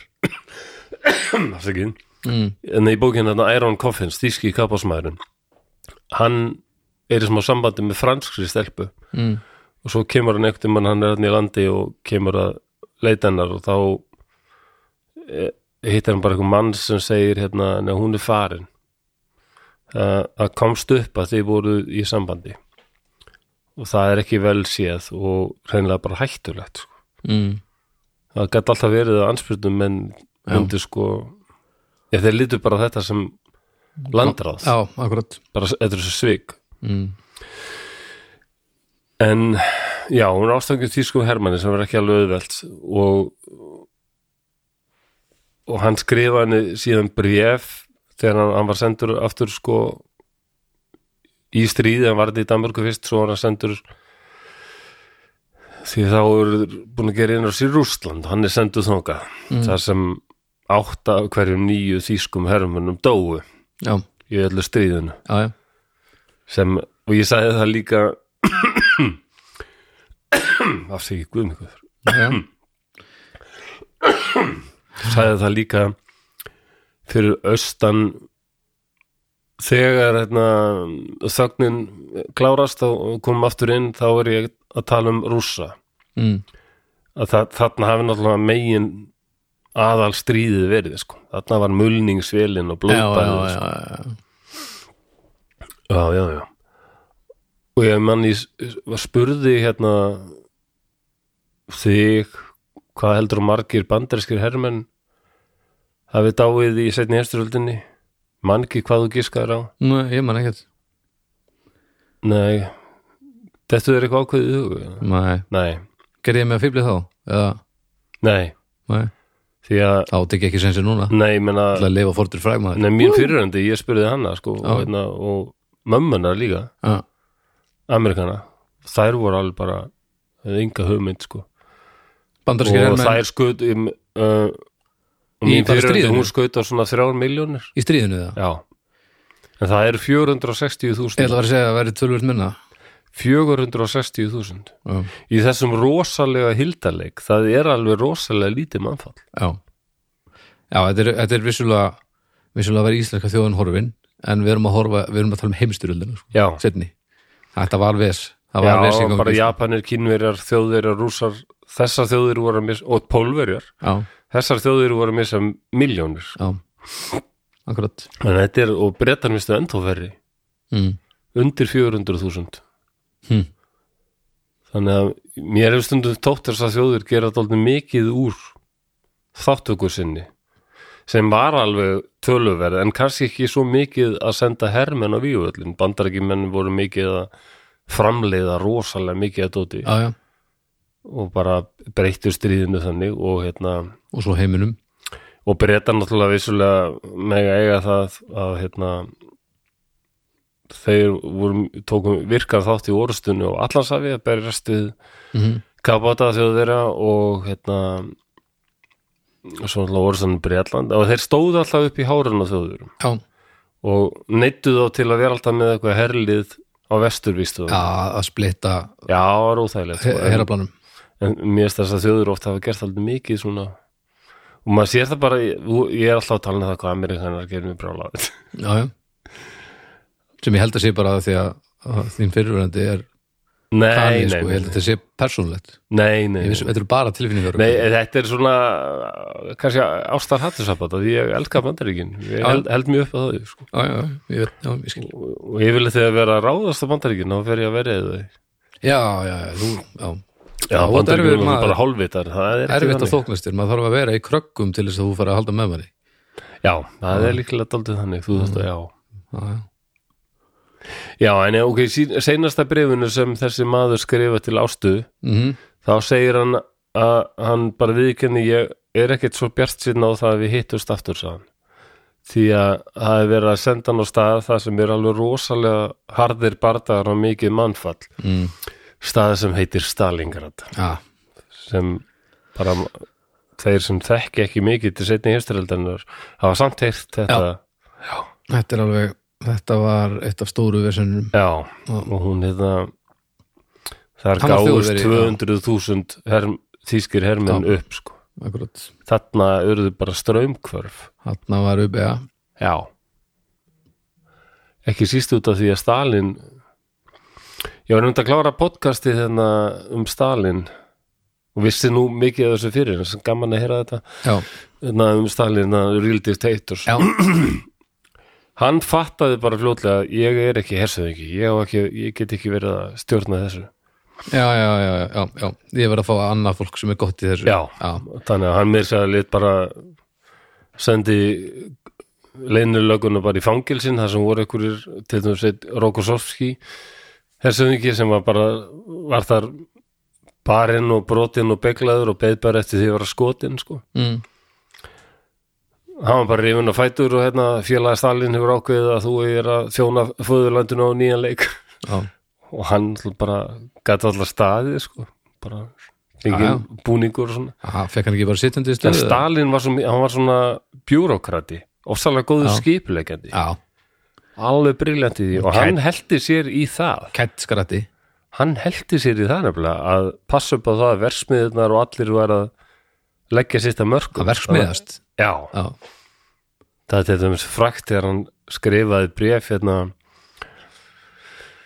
Það er vél það er réttum tölvuleikin hérna sem heitir Il-2 Sturmovík já, það er rúsneskur flug já sem Stríðsflug. þú, þú helst upp á Já, hann er æðislugu sko. Já. hann er mörgum talin bara já, besti svona hvað það Sturm og Sturmovík já, þetta hljóma alltaf bara eins og einhver Já. staður út á landi sko. Já, Sturmovík Ah, Vá, ég aldrei pælt í þessu. Já, tjöldum hann í Sturm og Jói frá Sturmovík tókum tvær nættur Já, þetta þetta var stór og, og mikil vél sem var hönnu til að gera árásir á skotmark og jörðu niðri.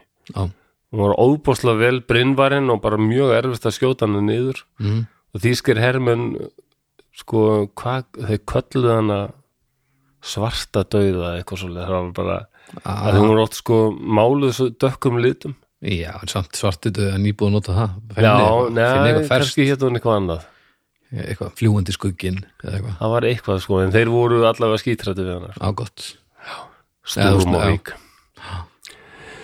En já, hún Ástar sem sagt heyrði aldrei aftur frá þessum þýska manni sko, Nei. þetta er sorglegt sko. Já, og og bókin henni heitir hinn hljóðu tár. Og ég mæli eindreið með því að lesa hana. Já, það er líka kemur fram við að lesa hana bara hvað við höldum að Ísland hafi verið svo fjarr í setni heimstyrjöldin Ísland var það ekki, nei. Bara alls ekki. Þetta var, einmitt, mann líður eins og við séum það einangruð að við höfum ekki verið, úst, við fundum ekki fyrir þessu eins og þeir sem er nei. meilandinu en samt sem áður þá var þetta alveg hérna líka sko. já, já, já. Og, hérna, og man að- Íslendingar tókut aldrei virkan þátt sko eins og bara vera alltaf veiðina fisk og sigla með hann til Englands. Það var mjög mikilvægt fyrir englendinga sko. Búið til nesti. Já, hann var búið til nesti. Og, já, já, og hérna það var bara, það var alltaf skortur í Englandi kafbátarnir voru nánast búnir að svelta breyta bara já, til döða, já, kannski ekki alveg til döða en þannig að það, það fannst alveg fyrir því, sko, Já, það var skortur. Já. en svo var ég ég held að það hafi dottið út það sem ég var að reyfi upp sko þýskar flugvilar sem fórust á Íslandi, þetta var alveg upptanning og Já, svona kannski já. En það var alltaf út af því við vorum að reyða fyrir því þá var, myndist ég á 22. mæ 1941 þá var Henkel 111 spreng, sprengjuflugvel þeir ekki eitthvað þeir að vera tilur já, þetta er ekki ekki já, vorum að reyna að klára þetta á nú bara já, ég var deyrið, að marsipanstykkið það er, stendur að þér? það er eitthvað já, ég bara Það- panna það- þetta ég marsipanna þetta bara þetta er tilbaka er meira ha, Þarna er eitt hljóðmaður einhverstaður út til sem hljó, hló- hlópinu. Ég sagði ég panna þetta bara. Marsipan, Marsipanna þetta? bara. nei, guð, ég er bara marsipan ekkert ef þú fyrir að já, já ok, já, Krossanesfjall við reyðarfjöru, það var það voru þarna- vitni sem heyrðu sko, þetta hérna Pétur í Marsipan? Nei, mann ekki þetta Nei, hann gæti ekki flóið. Pétur Marsipan, Já. hver er það? Nei, ég sendir þetta bara. Já, já, þú sendir þetta bara Allavega, það er hérna Krossanesfjall er hérna nála þreiða fyrir því og það heyrðu nokkrir, það var náttúrulega ekki mikið um flugvélar flugur í Ísland á þessum tíma og heyrðu nokkrir í flugvél sem var að sveima þarna Já. og sumir vissu til dæmis konnuðist ekki við þetta vélarhljóð Já, það var eitthvað nýtt vélarhljóð sko. Já, ég þekki það nú, búin út á Korsnesi, ég heyr í, í flestum flugvélum sem lenda á Reykjavík flugvelli. hljómaður ekki allar eins? Nei, þegar að maður heyrir alveg hvernig þessar til dæmis þó, eitthvað þóttur og eitthvað er að koma Já, að lenda, já, sko. Já. og ég er náttúrulega, þegar að var- voru flugsýningar hérna niður frá, já, einmitt þegar að, að heimstyrjaldar vélardar voru að koma og fljúa yfir, já kom einn svona langastur reyfla það heyrðist í henni djöðlar flott hljóð djöfull og djöfull flög hún hægt. Já, hún flög lötur hægt ímyndaðir að hundra svona vélar að byrtast yfir borginni og maður. stressandi, hryllilega stressandi og háaðin maður. Já, lýsingar þar eru verið að þær hefur verið alveg mjög, mjög hátt uppi. Og það er mörg hundru vélar. Mm -hmm. og lýsingar eru það er þetta að svona byrjaði svona, svona, svona smá svona niður sko. Mm. Mm, og verið alltaf meira og meira og meira og svo byrja loftvarna flauturnar og Þetta er ekki, sér þetta þetta. Er ekki stemmari sko. Nei og hvað er í raun stutt síðan? Ég vann í Danmörku og var í, sjúkarlega námi þá var ég í, verknámi á elliheimili. Ég, ég lent alltaf sko í verknáminu þá lent ég alltaf á þeim deildum sem enginn vildi fara á því ég mætti alltaf á seint í skólan mm. já, já. þannig að það var búið að taka alla bestu bitana það voru einhver sem var að fara á bráða móttökuna eða eitthvað svona nei nei, ég lent alltaf á einhverjum Alzheimer deildum og elli heimilum og já, svona já, en læriði rosalega, Alzheimer deildin var æðislega já, já. en til dæmis Alzheimer deildin, það var pólsk kona þar sem hafði sko lifað stríði og verið í vars á Mm. Allt stríði og hún var stundum æpa eitthvað pólsku og það var pólsk kona þetta sem sagði hún er að hún er eitthvað að tala um þjóðir og hermenn og svona þetta er alveg endur upplöða já, og í hún, hún er að segja felið börn, ah, rosalett maður. Fuck.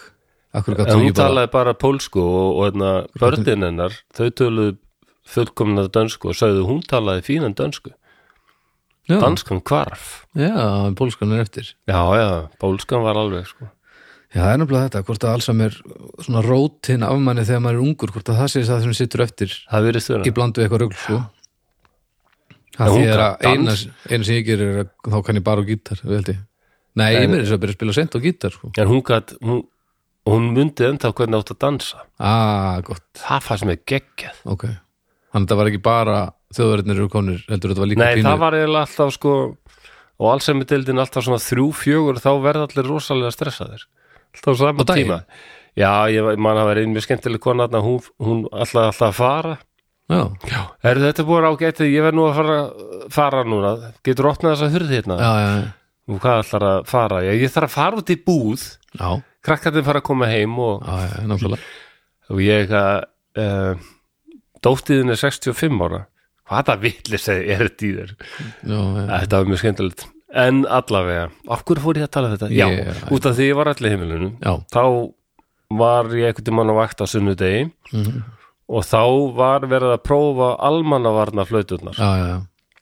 það var þetta uh, svona hljóð á, og það var tvær konur sem ég var að tala við ef þið hlustið á einhver þátt af dómstegi þá byrja stefið Já. á svoleiðisflötum og það voru tvær konur sem ég var að tala við og þær, þær þögnuðu bara. Já, og hennu sagði, ó, hvað ég mann eftir þessu ömurlega hljóði. Já, og hinn sagði, já, ég man bara eftir mér uh, kornungri með dóttur mína eins ás mm, hlaupa og harða hlaupum með hana í byrgið shit, það var alveg stundum gerðar árásir í Danmörku sko. Já, já. Já, en það, þeir heyrðu sem sagt í þessari vél og þetta reyndist vera þýsk vél sem líklega var í svona könnunarflugi af því að þá voru skipin Bismarck og Prins Eugen að sigla norður fyrir Ísland Mhm. að leitað einhverjum kaupskipa lestum til að ráðast á. Og, og þessi hankelvél hefur verið það var nú mjög lélegt lélegt samstarf á milli þýska flótans og þýska flugarsins. Mm, að þessi nasistar, þessi miklu lúðar sko. þetta er svo uh, hann er nei, hérna, Hermann Göring yfirmaður lúftafi, hann hataði Erik Ræder sem var hérna yfir aðmiráll já, flótans já, og hann vildi helst ekkit að flugheinin væri neitt að styðja við sjóhurina því að Erik er svo leiðilegur. Í þessir fáutum maður. svo þetta var mjög algengt í nasista Þískalandi, eitthvað svona þeir voru allir svona baktala hvort annan og eitthvað svona Þetta er bara eins og þú á netinu. Nefna aðeins meir undir aðeins, meir undir bara. Þetta segi ég, já, flósiðan er svona nasist á netinu. Já, bara, þú veist, þú veist samt ekkert, ekkert alveg alla leið, skilur Nei, Bara tilfinningalega. Never go full nasty. Nei, nei, Nei. Já, og það heyrðist sko það var alveg, það var gott veður en það var ægileg þoka. Og heyrðist bara þessi er eitthvað að fljúa um mm, og allt í hennu heyrðist óbáslegur kvellur og læti. Og flögum bara beint inn í klettana. Já, og það voru fjórir flugmenn þeir létust allir. Og hérna hún hefur verið í könnun á leiðungri út af, já, eins og sagði prins Eugen og Bismarck. Mm. og var að fara hérna í örlaríka ferð sem var til þess að breski flotin uh, fann þau og satt fyrir þeim og náði að sökva eða skemma Bismarck og, og prins Eugen alveg rosalega. Mm. og setna að sökva Bismarck. Og þá föttuðu þjóðverjar að vera áður mikill breski flotin var svo öflugur. Já, gott í þessu. Og bara orðustu skipi er ekki málið. Hvað er maður að gera þá? Hmm, þá, þá komið að kapótum Gaborda já, já en þetta voru aðfarnótt uppstýtingadags 1941 og ymsur urðu varir við vélinn hana mm. um, en svo er það bara nokkur um setna að Tryggvi Einarsson bóndi hann finnur flagið Mhm. og svo setna uh, hann lætur breyta vita þessu og Tryggvi Emilsson Nei, Tryggvi Einarsson Já. Hann lætur repstjóran vita þessu og repstjórin fer á svo nokkrum breskum hermönum á margra tíma lapp að leita að þessu Mhm. og finna þetta brag út um allt og hlutar og vélinni og vélbissur skotfæri og, og hérna svo hérna já Mhm. Já, ég var sko hérna fyrir austan eitthvað held að það er eitthvað svona og að dæmi að nefna hvað þeir hétu mm. hvað þeir voru gamlir Mm. En svo fannst mér eins og það virkaði ekki til ég var að segja það. Já, ok. Ég man allavega ekki, ekki nógu vel eftir því. Nei, Þetta var náttúrulega ungir menn. Já, þetta voru fjórir sko flugstjórinn hans Sturfeld, hann var endast 31 ás og alveg reyndur. Mm. en hinni þrýr voru tveir voru 26 ára og eitt 24 ára. Já, þetta voru svo mikið bara korn ungir menn sko. já, nákvæmlega. Um, þeir voru grafnir þarna á reyðarferði eða þarna nálat og svo voru líkin tekin upp 57 Mhm. og grafin í, í þýska hermanna grafreitin í Fossvogi þar sem eru bara þó, þó nokkuð af þýskum hermannum Já, já, já, já, já. ok svo sæði ég frá hérna 14. ágúst 1942 rétt, bara rétt norður af gróttu norðaustur á gróttu mm. Um, Æ, hvað? Ein. En Míla ó, djöfus Amerikanar vera með þessar fjandans mílur man. veistu hvað eru veistu hvað eru margar þjóðir sem nota þetta kerfi sem Amerikanar nota?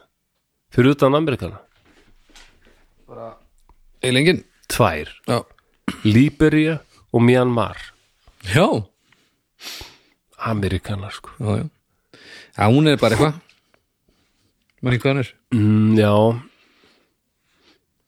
Ætlaðu, þau getur googlað hvað míla en það er svona sirka ein míla norðaust norðvestur af grótu þar hérna steiftist Er þetta Er hann að tekka 1,4 eða eitthvað? Það-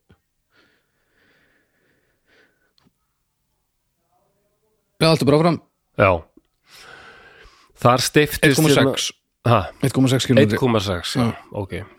Já, ég get passa Já, þú veist, það er þannig. Þar hérna fólk var, og ég þekkti mann líka hérna, pappi hálsískinu minn, hann Torfi hann hafði sko hann myndist þess að hann var ekkert bara að labba niður í bæ. Mm -hmm.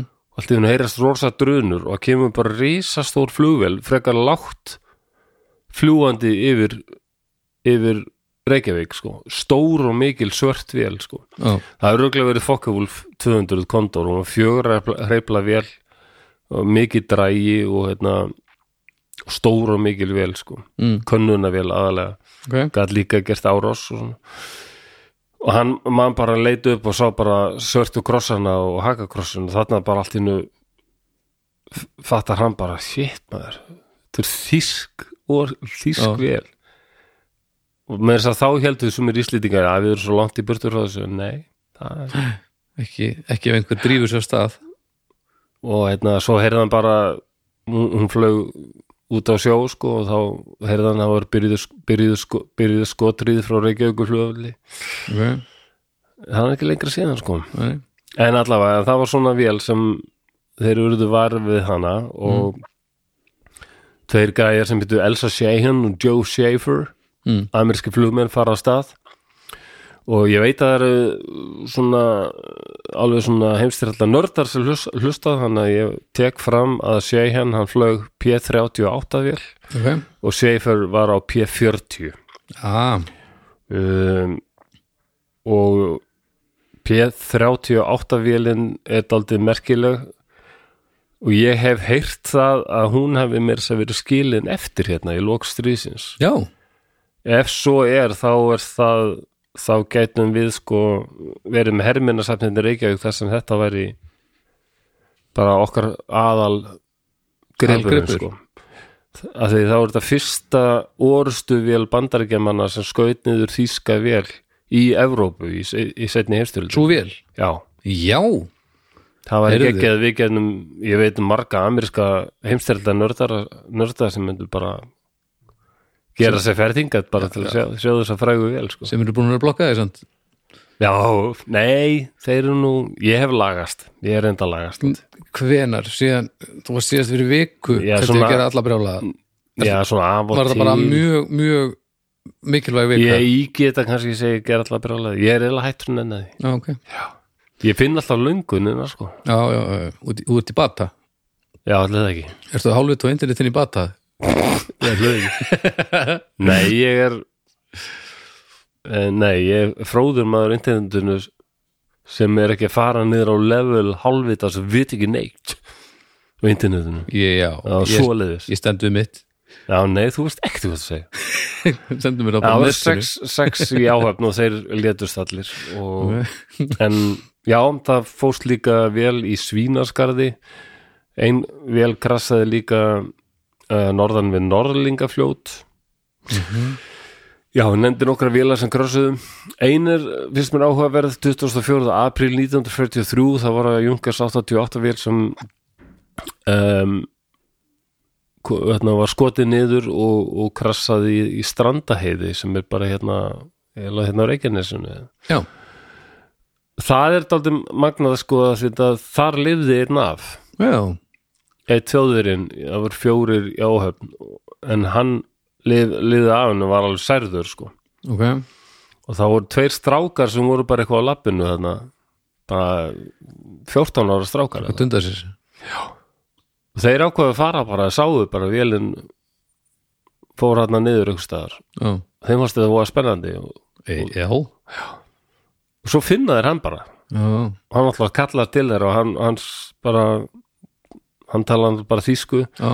Þeir, þeir skildi ekki alveg hvort annan en þeir föttuðu að hann var búin að búa til sko, hvítan já, já, hann var búin að hann alltaf bara gefast upp, þeir föttuðu það. Og hann var mjög illa, föttina svo öll tætt hann var alltaf blóður og hérna uh, sko, veginn stígvelin annað stígvelið hafði sko farið á honum þannig að e- annar strákurinn vildi endilega klæða þinn í skóin sinn. Já, og þeir bara aðstóðuðu hann já, niður á veg ok. Og að láttu fyndi hvernig þeir lýsa þessu sko að það kemur jeppi keirandi á fullu sko. Mhm, og amerskir hermenn í jeppanum. Og Anton, sem heit Anton Mínarek þessi þjóðveri, já, hann byrjar að veifu sem hvíta fána sínum. Já, og amerikaninn keira bara framhjá já. Á taka ekkert eftir hún sko. Úps,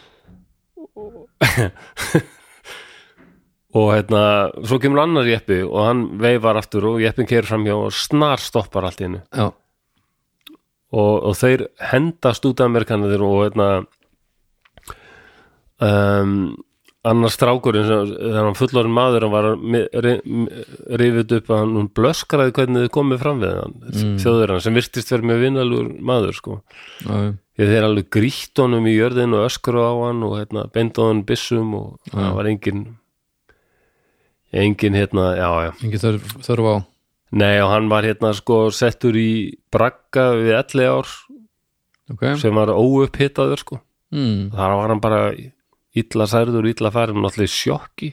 Mm, bara hristist þær í kulda og svona en svo var hann setna færður í betri ok. betri, já, og hann liði þetta af, sem sagt? Hann liði þennan blað já, já, um, já, þetta var eitthvað svona upptelning á vélum það er merkilega margar sem hafa hérna, krossuðu sko. Ein fór í sjóin við Grímsey, Mhm. áhöfnin slapp öll en tekið til vanga. Mm.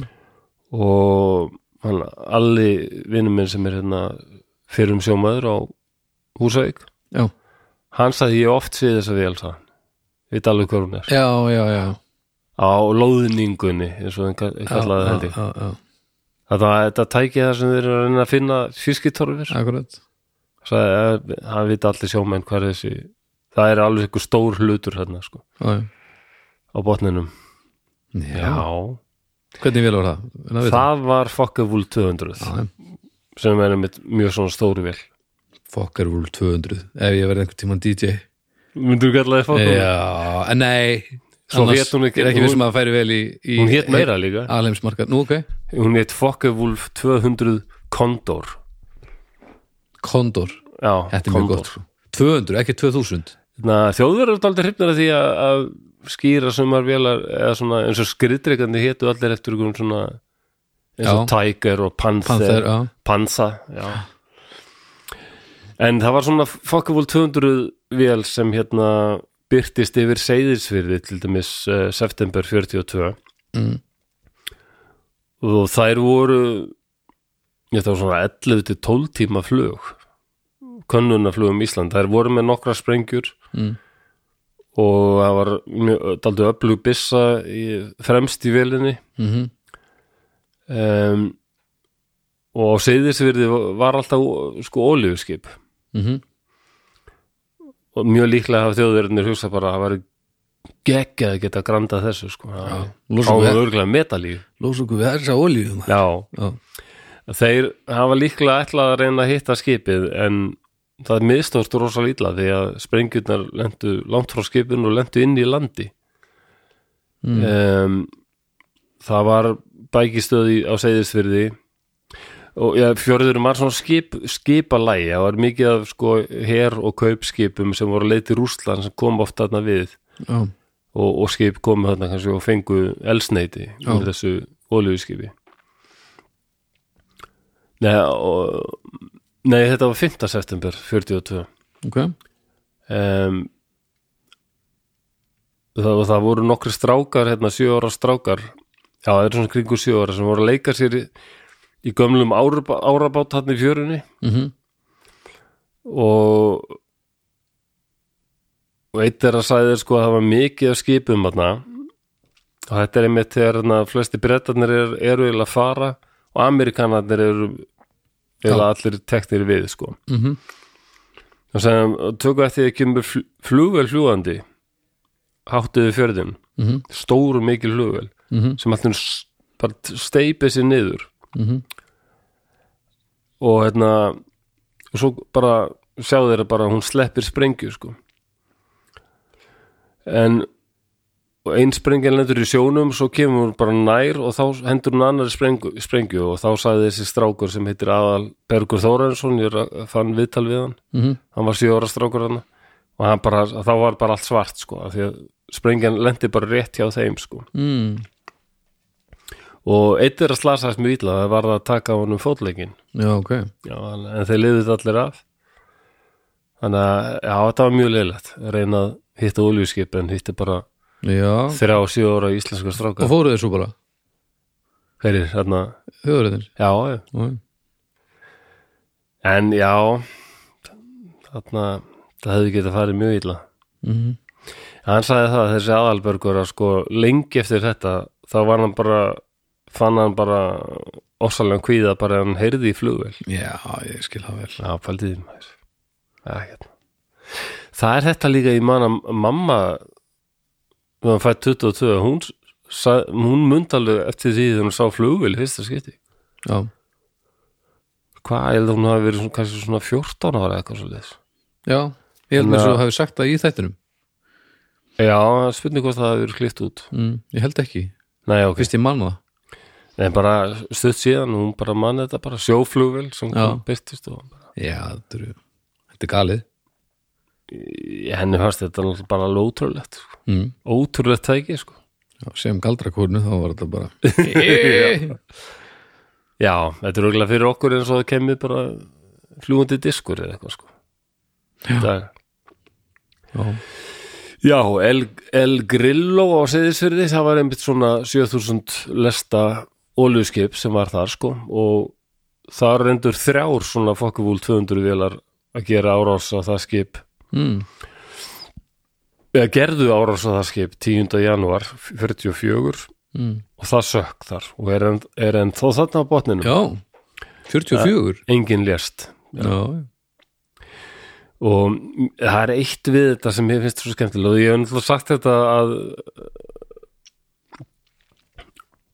um, ég hef heyrt að þessi P38 flugvél sem fyrst skoið niður vél og það er til ljósmyndir af henni hérna bara í, út í skerjafyrði Mm. ég hef heyrt að hún hafi orðið hérna eftir en það voru margar vélar sko sem voru bara annarkvort þeir áttu bara alltaf mikið af þessu eftir stríði já, já, og vissu að þeir þyrst að gring, gringa eitthvað á þessu. Já, selja eitthvað að þessu sund var bara bila og svona, þeir skildu rosalega mikið eftir Hvað endar þetta? Hvað endar þetta? já, það þetta var bara Íslendingar hefur nú alltaf verið þannig kunna að nýta hluti Mm. það er bara heilmikið af stáli og dóti og þetta var bara allt tekið og brætt niður Já, já, og ég mann ég sagði við fólk hérna á reyða fyrir því að það er góða líkur á því að einhverjum inni eða fl- fleiri en einn Mm. hafið setið og borðað við nokkrar af þessum vélum sem voru teknar og brettar já, já. því að Stálhúsgögn HF þær keiftu til dæmis 32 P47 Thunderbolt vélar já. orðstu vélar þrjusu vélar sko, mjög góða Og líka þörrusu eldúsborð Já, þar voru nefnilega brettar og stálhúsgögn bjóð til stóla og borð þannig að aldrei fyndið hugsið til þess að Bara. mörgum heimilum Staflarnir í samkvæmuhúsinu já, og bara satt fólk við eldhúsborðið á fyrrum orðstuvél Já, nasista stólar já, já, og svo líka það. Um, já, en þetta var bara ekki hugsunarhátturinn þessum árum að það átti bara að nýta allt. Já, já, ekki var að veita já, já, eðlilega kannski. Svo talaði ég eitthvað um það að hengelvélinn sem fórst hérna að sagfræðin hefur aldrei breyst í árarna rás og svona í kringu 78-79 þá var bara sagfræðingar stríð í Þýskalandi. Sagfræðingar voru bara í háar yfirildi sko. Ball Já, það var bara history battle. Vá, Nei, það var svona hvernig hvað er sagfræði, hvernig er að segja frá hvað, hvað er merkilegt að segja frá? Mm. og það var þannig að það var alltaf byrjað á toppnum og hort niður og verið ekki út bækur sem já. heitir bara History of the British Empire Volume 1, Volume 2, Volume Já, 3 já, já, eitthvað, eða saga einhvers rosalis herfóringi eða einhver en einhver húsvörður á framlisveginum hann fekk aldrei neina bók. Mæli. Þetta var bara einhverju kongar hersöðingar mm en það hefði það fólk aldrei efna á því að láta borga fyrir æðusugur þeirra. Já, já, já, akkurat. Skrifar Já, já, en eitthvað svona svo kallaði smælingar eða venjulegt fólk að, já, já, og það er bara ekkert landsýðar sakfræðingar fóru að spá í til dæmis brefum venjulegs fólks og Nei, akkurat. dagbækum sem, sem bara heimildum. Mm og hvað þá dagbækur einhverja verkakonu í Reykjavík byrjun 2000-aldar ég myndist á hana, Elku Björnsdóttur. Hún var verkakona í Reykjavík upphafi 2000-aldar hélt dagbók. Mhm. Og skrifaði um marga merkisatbyrði þar eins og spænsku veikina Mhm. og fullveldistökuna 1918, kötlugosi 1918 bruna í miðbænum drengsmálið sem er vala, frætt mál þegar hérna Drengsmáli Já, er hérna Ólafur uh, Friðriksson minnum með hann hafi verið sem var einn af svona leiðtöfum sósjaldemokrata hér mm. hann hérna hafði ættleit rústneskan dreng Ok, en heilbriðisöfuröld ákvaða vísa honum úr landi að því að hann var með einhvern augsjúkdóm. Já. Ha? já, já, sem bara var hrættur um að myndi festa rætur hér á landi að Var þetta, þetta sérst algjört búlsitt bara? Já, það var mörgum sem fannst það. Það Og að Þetta var afsökun- alveg rosalt mál. að Drengsmálið reka rússan úr landi finna afsökun til þess að gera það Já, sem við vildum meina að þetta væri bara að því að hann var umdeldur pólitíkus þessi maður sem að allir hann Já, og, og líka, jú, einhver útlendingur og svona bara, já. magna Já, þetta var mikið mál sko og þetta var hittamál og ég held að hafi komið til einhverja minniháttar átaka ég til út af þessu. mm. En þeir unnu, hann hún var í Sáðlandi Mm. Og Elka segir þessum dagbókum frá kuldanum og, og frostavetrinu mikla og bara og fjallabunum þetta hverstarslega amstur venjulega fólksins í bænum. Um, Pældi því að hún skrifar þetta sko þetta er 1915 til 1923 Þetta er ekki gefið út fyrir 2012 Mm. en já, og svo bara sko, þetta var nú eðilagt fyrir mér hérna fyrir austan, en sko Hmm. ég hafði nefnilega mér finnst aldrei gaman að reyna skoða sakfræði aðeins öðru og ég tel alveg svo þátturinn sem við gerðum um Baldur Mm það sem ég er að nálgast þorskastriði sko Já, með bara skipið sem miðpunkt. Já, hvað var skipið að upplifa, í hverju var það að taka þátt og svona. Já, hvernig leið því? Já, hvernig leið því Já, En svo nánast að, já, já, pólverinn sem var strísitt, pólverinn frá Dalvík var það eðilagt? ha. Var það eðilagt fyrir austan? Hvað var eðilagt? Já, það var, sko, ég fór fyrir nokkrum árum í safnið Já, og starfsmæður þar, hann vissi ekkit mikið um hlutina Já. þinni, hann var greinilega bara hefði bara, hann vantaði eitthvað til að vinna þarna og hann hefði tekið að sér en hann var ekki svona nörd. Nei, sem er nú alveg eðilegt stundum.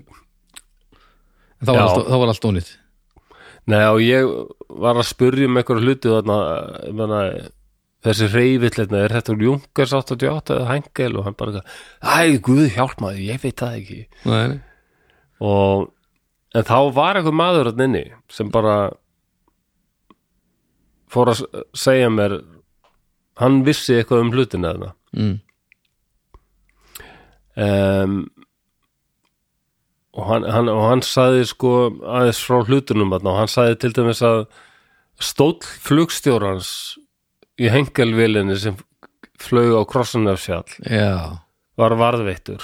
Alveg og það var líka að tala um að einhverju einhver bóndi þarna og sinir hans þeir voru allt inn komnir í ægilega fín leðurstígvel Já, og vildu ekkert svona gefa upp hvar þeir hefðu fengið þau? Nei, nei.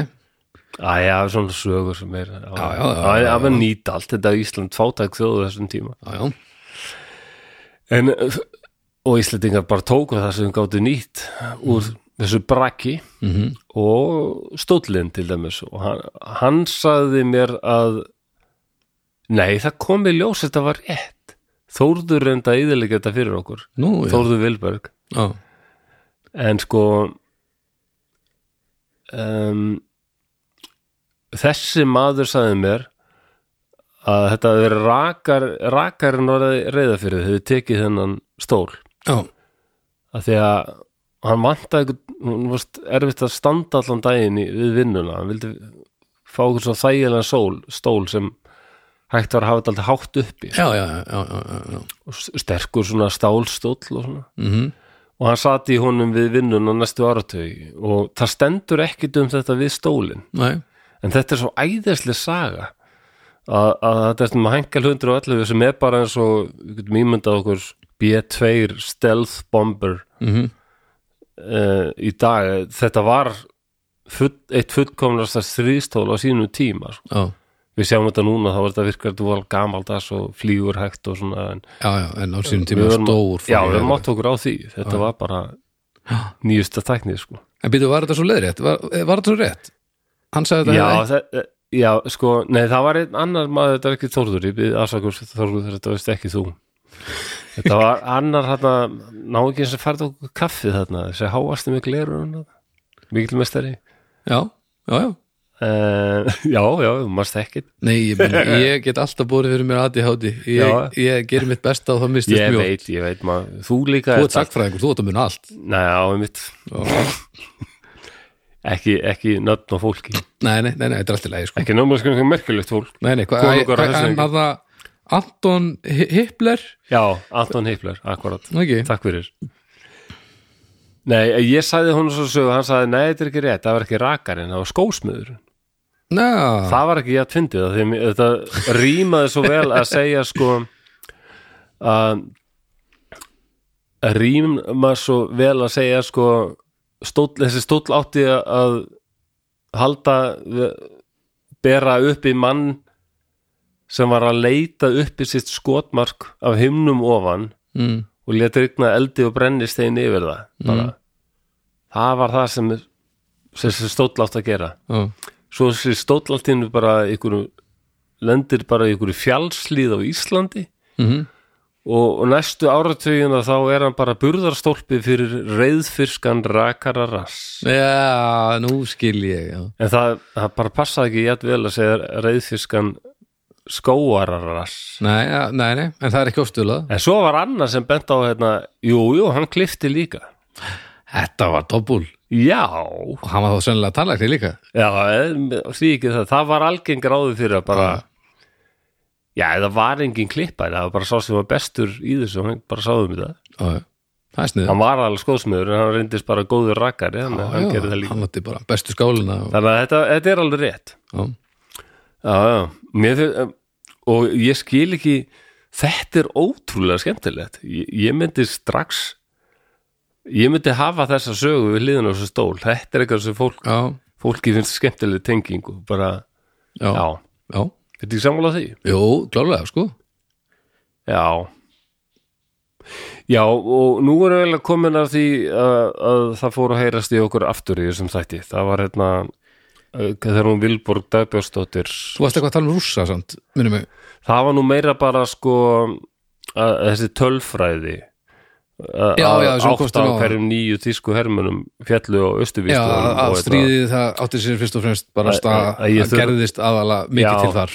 Ég þarf alltaf að benda bara þessa þessi, þessi tölfræði segir eitthvað sko, hvað breytar og bandarækjumenn mistu fá á já, þetta er alveg blóðtaka en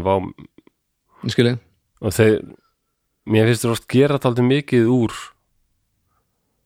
uh, þessu. Já, eins og þeir uh, stundur hljómaður eins og sko og það halda margir amerikanar að þeir hafi bara séð um alla bardagana.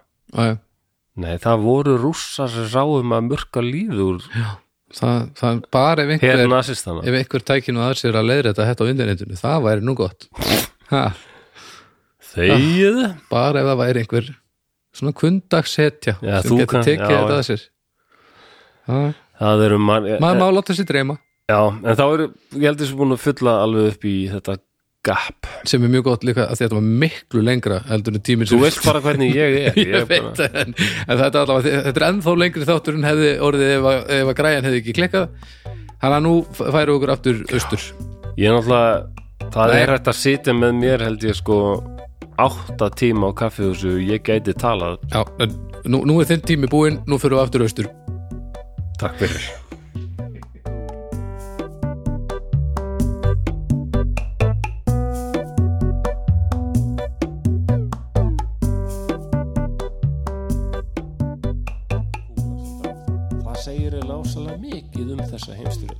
það voru rússar sem voru í því að drepa og, og eiðilegja þýska herin.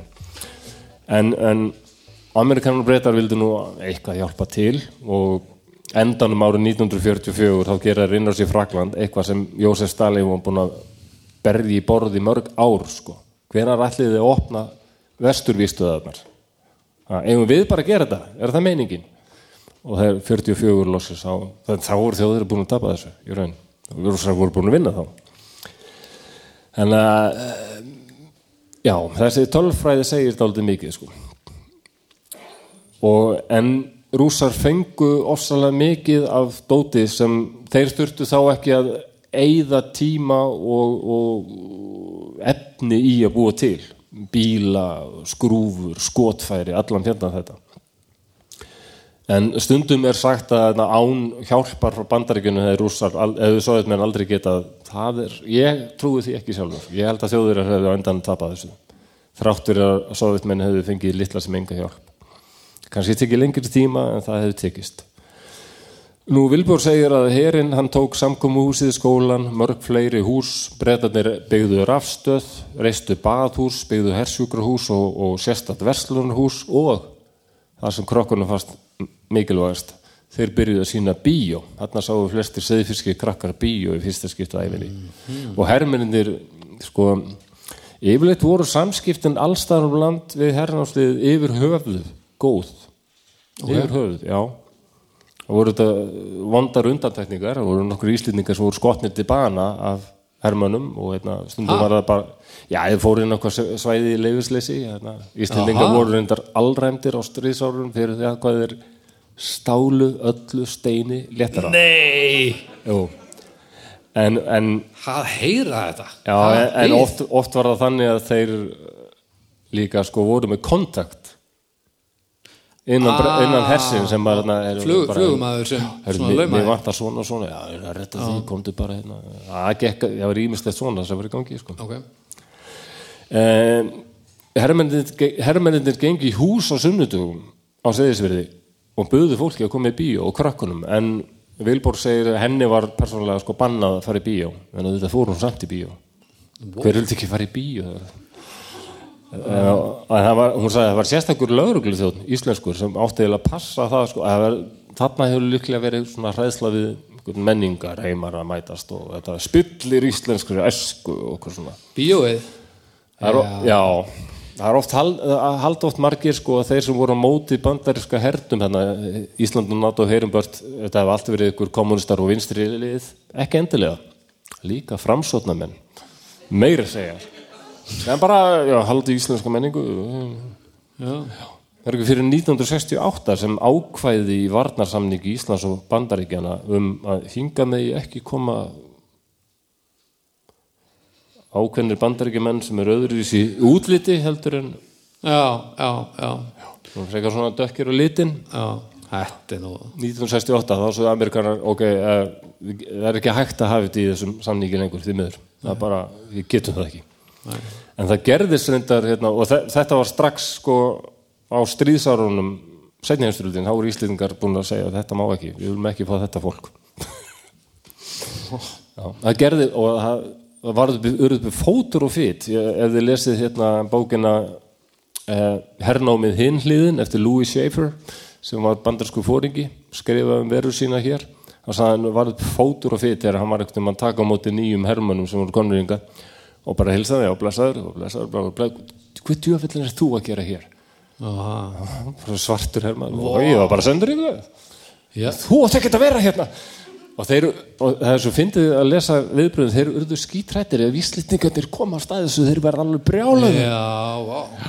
Þeir verða brjálaði svartur hermann þannig að hann fekk bara eitthvað best jobb þar sem hann var bara aðstúðar maður yfirfóringja en hann fekk ekkert að fá út í bæ eða eitthvað sko. Pældu í þessu Ó, þetta er svo hann mátti ekki sjást sko. Það er bara, Hvenær var þetta sér? Íslendingarnir mátti ekki sjá þetta Og hvenær var þetta sér? og brjóta samningin þetta var 44 Þetta er galið sko já já Djöfull verðum maður alltaf brjálaður þegar þú ert að segja mér eitthvað Já, já, það er, já, já. Þetta er, er, sko, tímandi breytast. En ég, Menna, sko, ég- við erum ég- búin að að vera í klukkutíma og 20 mítur Ég ætla að gefa þér Ok, Hvernig eru þið? Eru þið góðið Þið eru þið þokkaleg?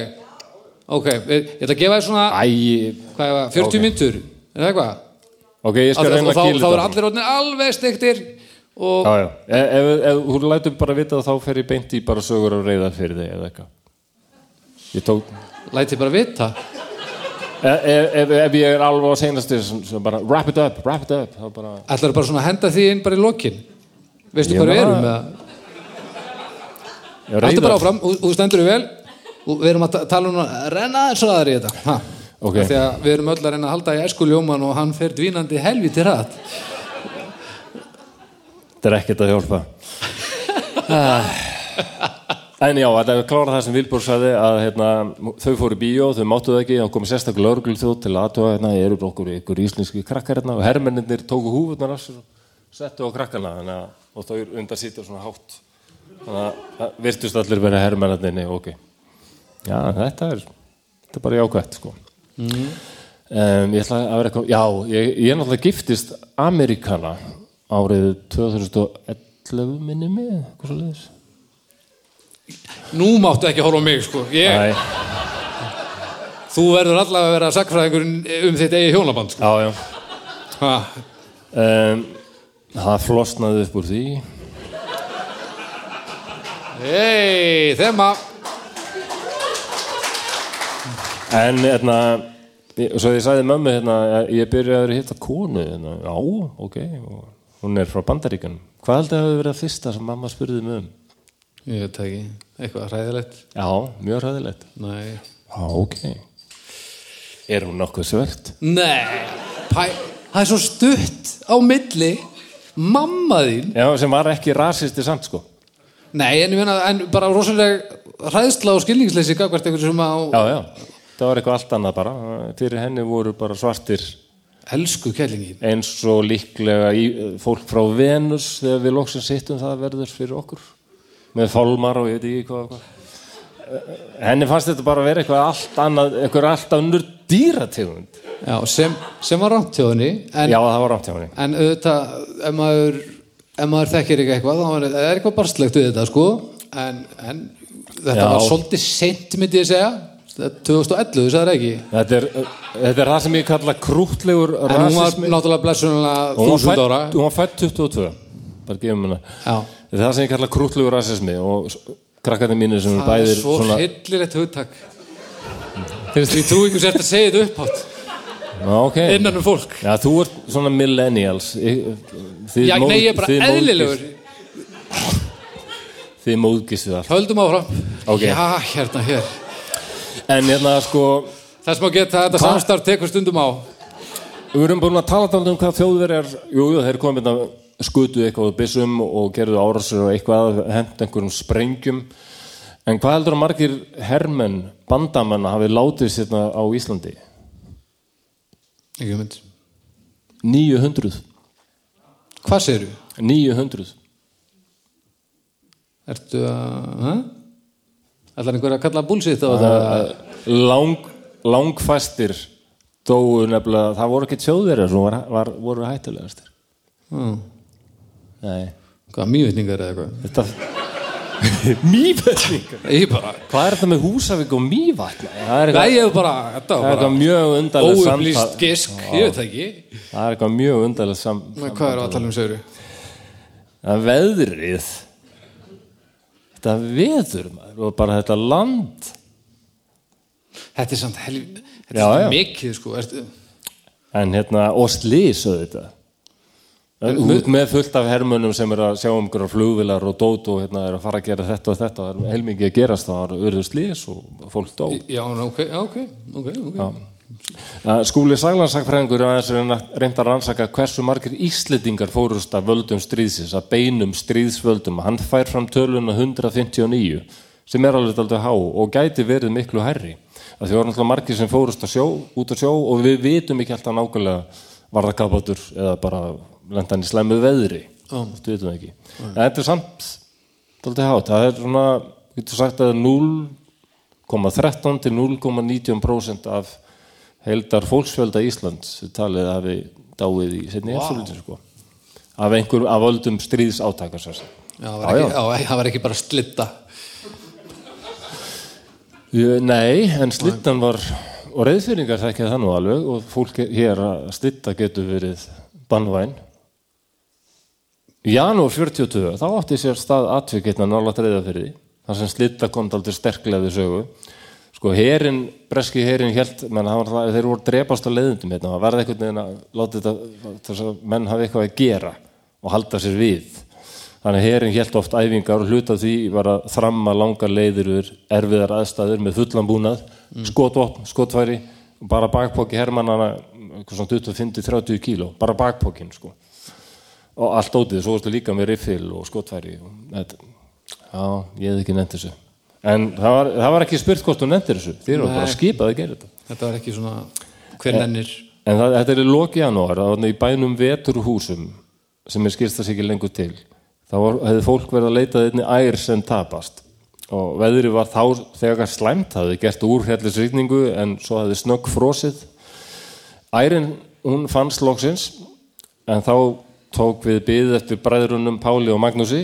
Þeir höfðu farið að vinna við uppskipun úr kólaskipi og það voru sem sagt Krist, Kristín og Bergþóra sýsturinn þeirra sem voru að leita kindinni. Svo koma þeir um kvöldmættaleitið uh, þreyttir og blöytir og þá er komin mikill suðaustan stormur. Lætin í veðrinu eru síðan svo mikil og mörgum verður bara reynleikitt svefn samt. Ég ætlaði að fara að segja svefn kvæmt það er ekki orðið það. Ef að kjósum það? Nei, nei, við höfum ekki tími í þetta. Er á, nú er ég að vera stressað. Nei, þetta er allt í góðu Bara stendur Og um 11 leitið er þetta, sko, veðri orðið miklu verða, verra og þá er Páll getur ekki sopnað því að hann, á ég skil hann svo vel, betur, loka, er greipa húsin nógu vel lokuð bara, og maður getur ekki, maður fær þetta- þetta í hausinn, þá getur þetta ekki, maður verður bara að tekka á þessu. Þannig að hann, veðriðin er svo verst getur orðið og hann verður að hafa sér allan við að komast að húsunum en hann vill tekka á þessu. Og það er svarta myrkur. Og þá kemur hann auðvitað okkur að dökka þúst sem hann kannast ekki við. Svo bræður honum sérstaklega brún en hann sér að þessi þúst hreyfist. Og, og höfum í huga, sko, það er svartamirkur og veðrið er hryllilegt. Það er bara ofsalega kvast og slitta, sko. Svo kemur ljósið þetta breskur hermaður. Hann er orðin svo mag, magt þróta, hann, hann stendur ekki lengur lappirnar, getur varla staðið lengur og verið á fjórum fótum. Hann er að reyna að krafsa sig eitthvað áfram. Hafði séð ljós í bænum. Og Páll kemur manninu til bæjar og sem var ekki auðvelt því að talandi um hvað var með mikinn búnað hann var með þetta allt og þetta allt leðrið, bakbókanum og svona, þetta er allt svo þrútið að bleitu, hann gæti ekki tekið þetta af hann en hann er rifin úr blautum fötum og settur í þurr háttaðin í rúm og fært kaffi og hann hressist og byrjar að tala. Daldi vandamála engin skilur ennsku þarna og hann talar ekki íslensku.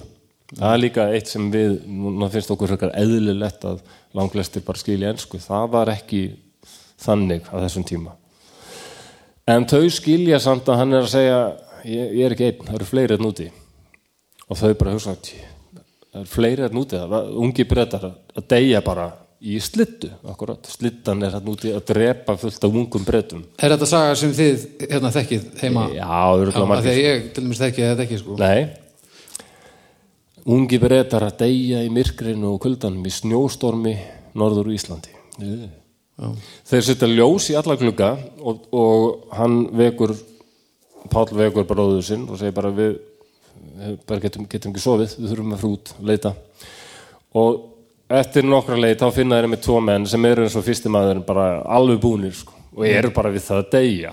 Þeir hefðu, ef, ég oft hugsað til þess að Páll hefði ekki fengið þess að hugtættu ég verða að vera að tekka á greipahúsum. Kannski hefðu allir þessir bresku menn dáið og það hefði verið ótrúlega mikill Harmleikur. Já, því að þeir voru allt í allt og ég kæftaði núna hvað þeir voru allt í allt margir. 60 Nei. Jú. Þannig að þeir eru búin að finna þrjá. Ok, three down. 57 to go. Ok. Og svo fel- fellur þeim allur ketull í eld þegar þessi menn eru konir í bæinn því að þeir segja að það eru miklu fleiri miklu fleiri að núti og, og bræðurnir fara aftur út að leita. Konurnar eru ekkert bara sofandi upp í rúmi og hafa það náðut eitthvað. Þær er, þær er hafa nóg að gera sko. Er, þessi menn voru svo örmanna þeir voru svo kaldir þeir gátt ekki hreift sig. Þeir voru alveg Þannig að þær þurfti að rífa það úr blautum fötunum klæða það í þurr og þetta var þetta bara fátakur bæjar ekkert fullt af fötum þannig að þeir voru líka klætt- klæddir í kvenmarsföt og bara allt sem til var og háttaði niður í rúm og gefið að drekka og borða og þegar þær voru búnar að gefa þeim allt brauð sem var til þá var bara að byrja um miðan nótt í grænandi stormi að baka pönnugugur og flatbrauð Hanna. Mér finnst þetta frábær saga. Og hita meira kaffi og allt. Og það er ekkert renna og, og talandum, já, það er ekkert rennandi vatn ekkert rammat og bræðurnir, þeir eru náttúrulega að fara út að sækja vatn. Það var 90 metra gönguleið í þessu veðri. Og ímynduðu ykkur um miðan nótt í svona dyrvittlusu veðri að reyna að halda á vassfötum og ekki láta hellast úr þeim. Og svo þegar eldi við þraut þá funduðu girðingastöra sem vissu og fóru að brenna það og þeir eru allan nóttina að leita mönnum og bara týna og upp eins og ber hér og þar. Wow. en og því miður finna þeir ekki alla lifandi. Og þegar tekur að byrta þá eru nokkri brettana búin að ná sér og vilja líka fara út að leita. Fóringi hópsins, hann fannst til dæmis lá- látin, hann hafði fó- fótbrotnað orðið úti sem er alveg mm. einn mannana rak á land af því að hann hafði bara gengið í svarta myrkri og, og stýttu við við fram að kletti og bara beint hún í sjó. Uh, við Steinsár. Hvað, við þið, að þið er þetta Steinsár, við þið hvað það er? Við Steinsár. Nei, ok. Uh, engin sími á bænum heldur og Vesturús ekki stór bær. Þetta er 30 fermetra. Er einhver sem þekkir til, 30 fermetrar. Þekkir til þessa húðuna? Já, beintenging eitthvað er það?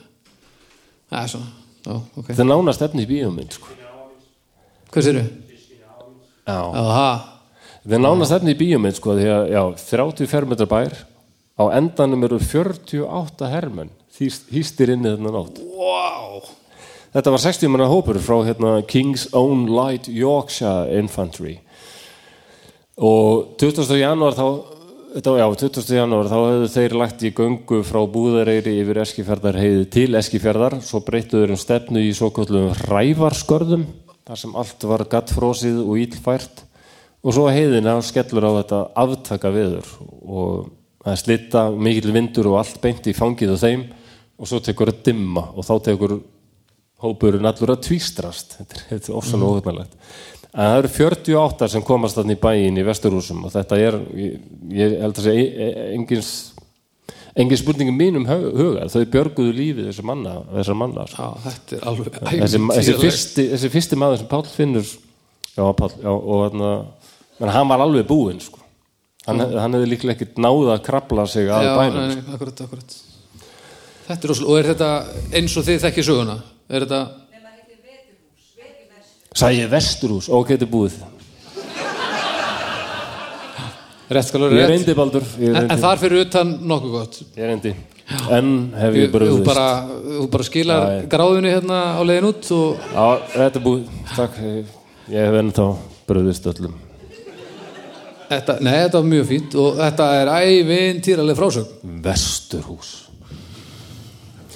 Um, Já Átta hermenn urðu úti. Það voru fjórir sem náðu að komast til eskiferðar Vítlanleik Svo gerist ekkert meir. Það finnst mér rosalega undarlegt.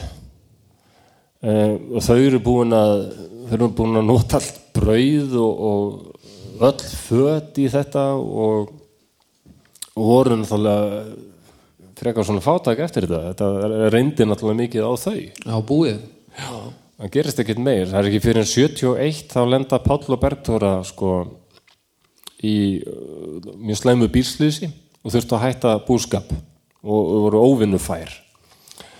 En þá var bresk hjúkorunarkona sem vann á landspítalanum og hún heyrir að þessu að þetta fólk var tengt þessu björgunar afreiki árið 1942 og hún bara, vá hvað hef ég ekki heyrt um þetta? Þetta er er þetta er alveg rosalegt afreg þetta er bara eitt mesta björgunar afreg sem ég hef heyrt um og er það. Og hún skrifa bref til breskra dagblaða segir bara hérna á spítalunum liggur bóndi sem bjargaði sko 48 breskum hermönum í setni hesturlutinni og núna þarf hann á andlegum styrk og góðum kveðjum að halda.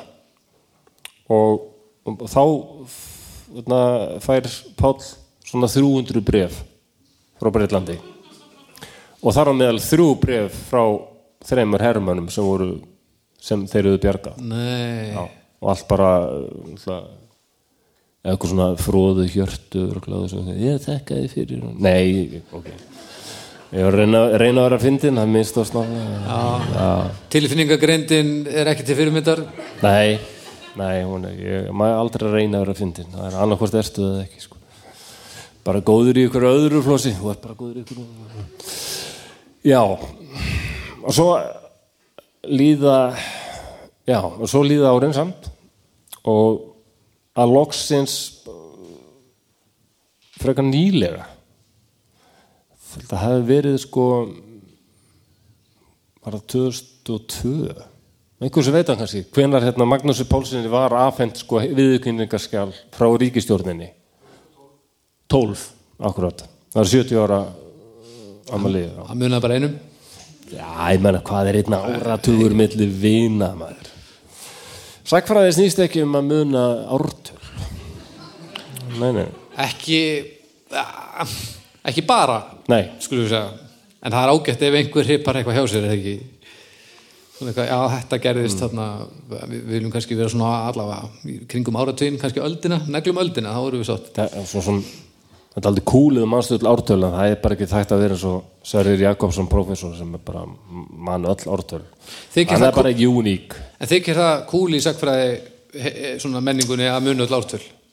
Æ, ég veit það ekki.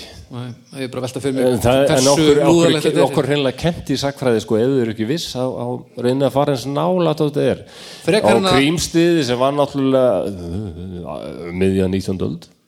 Það hljóma mjög vel um miðja 19. öld sem þýðir, ég veit ekkert að það var 1850 og eitthvað en, Ok, Já, og það er allt í lagi ok en Þá er ég basically að- að- að segja, að segja fyrir heimstyrjöldinu var frá 1914 til 1918 það er ekki sakfræði en að geta kannski sagt af hverju hóst fyrir heimstyrjöldin og hvaða áhrif hafði hún það er sakfræði Eru sagfræðingarnir í húsinu sammála?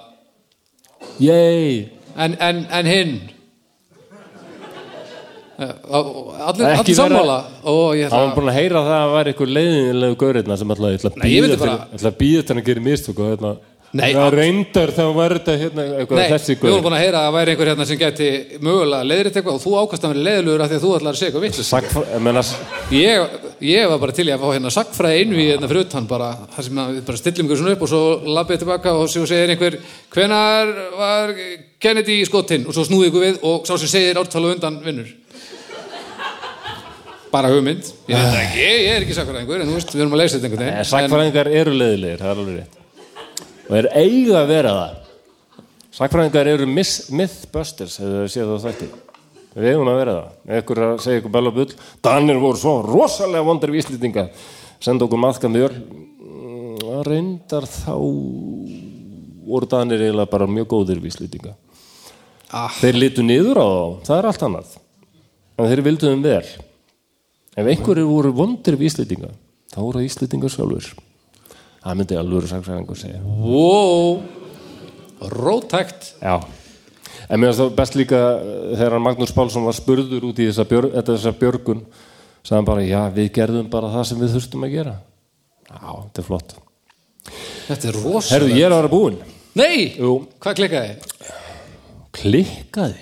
Nei, bara, nei, ég- það er bara mjög gott að heyra líka því að ég var bara að pæli að senda fjölskyldum minni bara kveðju. Ég, það, ég klikkaði ekki neitt ég var bara viljandi að, að segjast til, þess að, að stríða öllum minni Ah, Var þetta svona drama uppbygging? fokk við verðum þetta til 12 Ó, nei, já, þetta var mjög gott til þér, hún náði mér. En mikið held ég samt að þú verið rauninni sleft 15 blaðsjöfum og sért bara að sneika þér í gegnum þetta svona. Já já Það er alveg fullt sem ég slefti. Það eru kannski einhverjir sem eru hugsað af hverju myndist hann ekki á þetta og þetta. Það er alltaf þannig. Já, Auðvitað gæti ég setið hérna í hela viku og talað. ekki, Um, ef ekki ég mætti fara á netið á og til. En Hei, hérna, jú, jú, það það er alltaf eitthvað sem mann er ekki að taka með. En um, að lokum þá er ég bara spóið, ég held að, mjög fáir hérna eru inni sem vita að það var andspyrnureyfing á reyðarfyrði. Gegn, gegn breytunum. Það voru ekki allir hreifnir af þessum var breytum. andspyrnu reyfing Já. Hversu margi, má ég segja hættur hver eru, eru margi með þetta um andspyrnu reyfinguna? Ó, ef þú ert að ljúgu þessu þá ert að að mastera það sko Hún var stopnuð, hún var nefnilega stopnuð af manni sem hétt Unnsteinn Jóhansson. Hann bjó í húsi sem kallaðist Skál sem er skilst það sig ekki lengur til. Er það, er það til?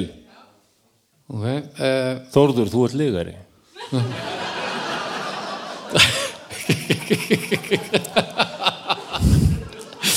ok Ég verði að sjá Skál. Ég er að fara að segja frá Unnsteini og hérna, Unnsteini og Skál. Og er einhver tenging við Unnstein? Og er þetta eitthvað lendór sem að það? kannski engin vissi? Unnsteinn Torfinu Jóhansson. Einhver? Hann er ennþá á lífi.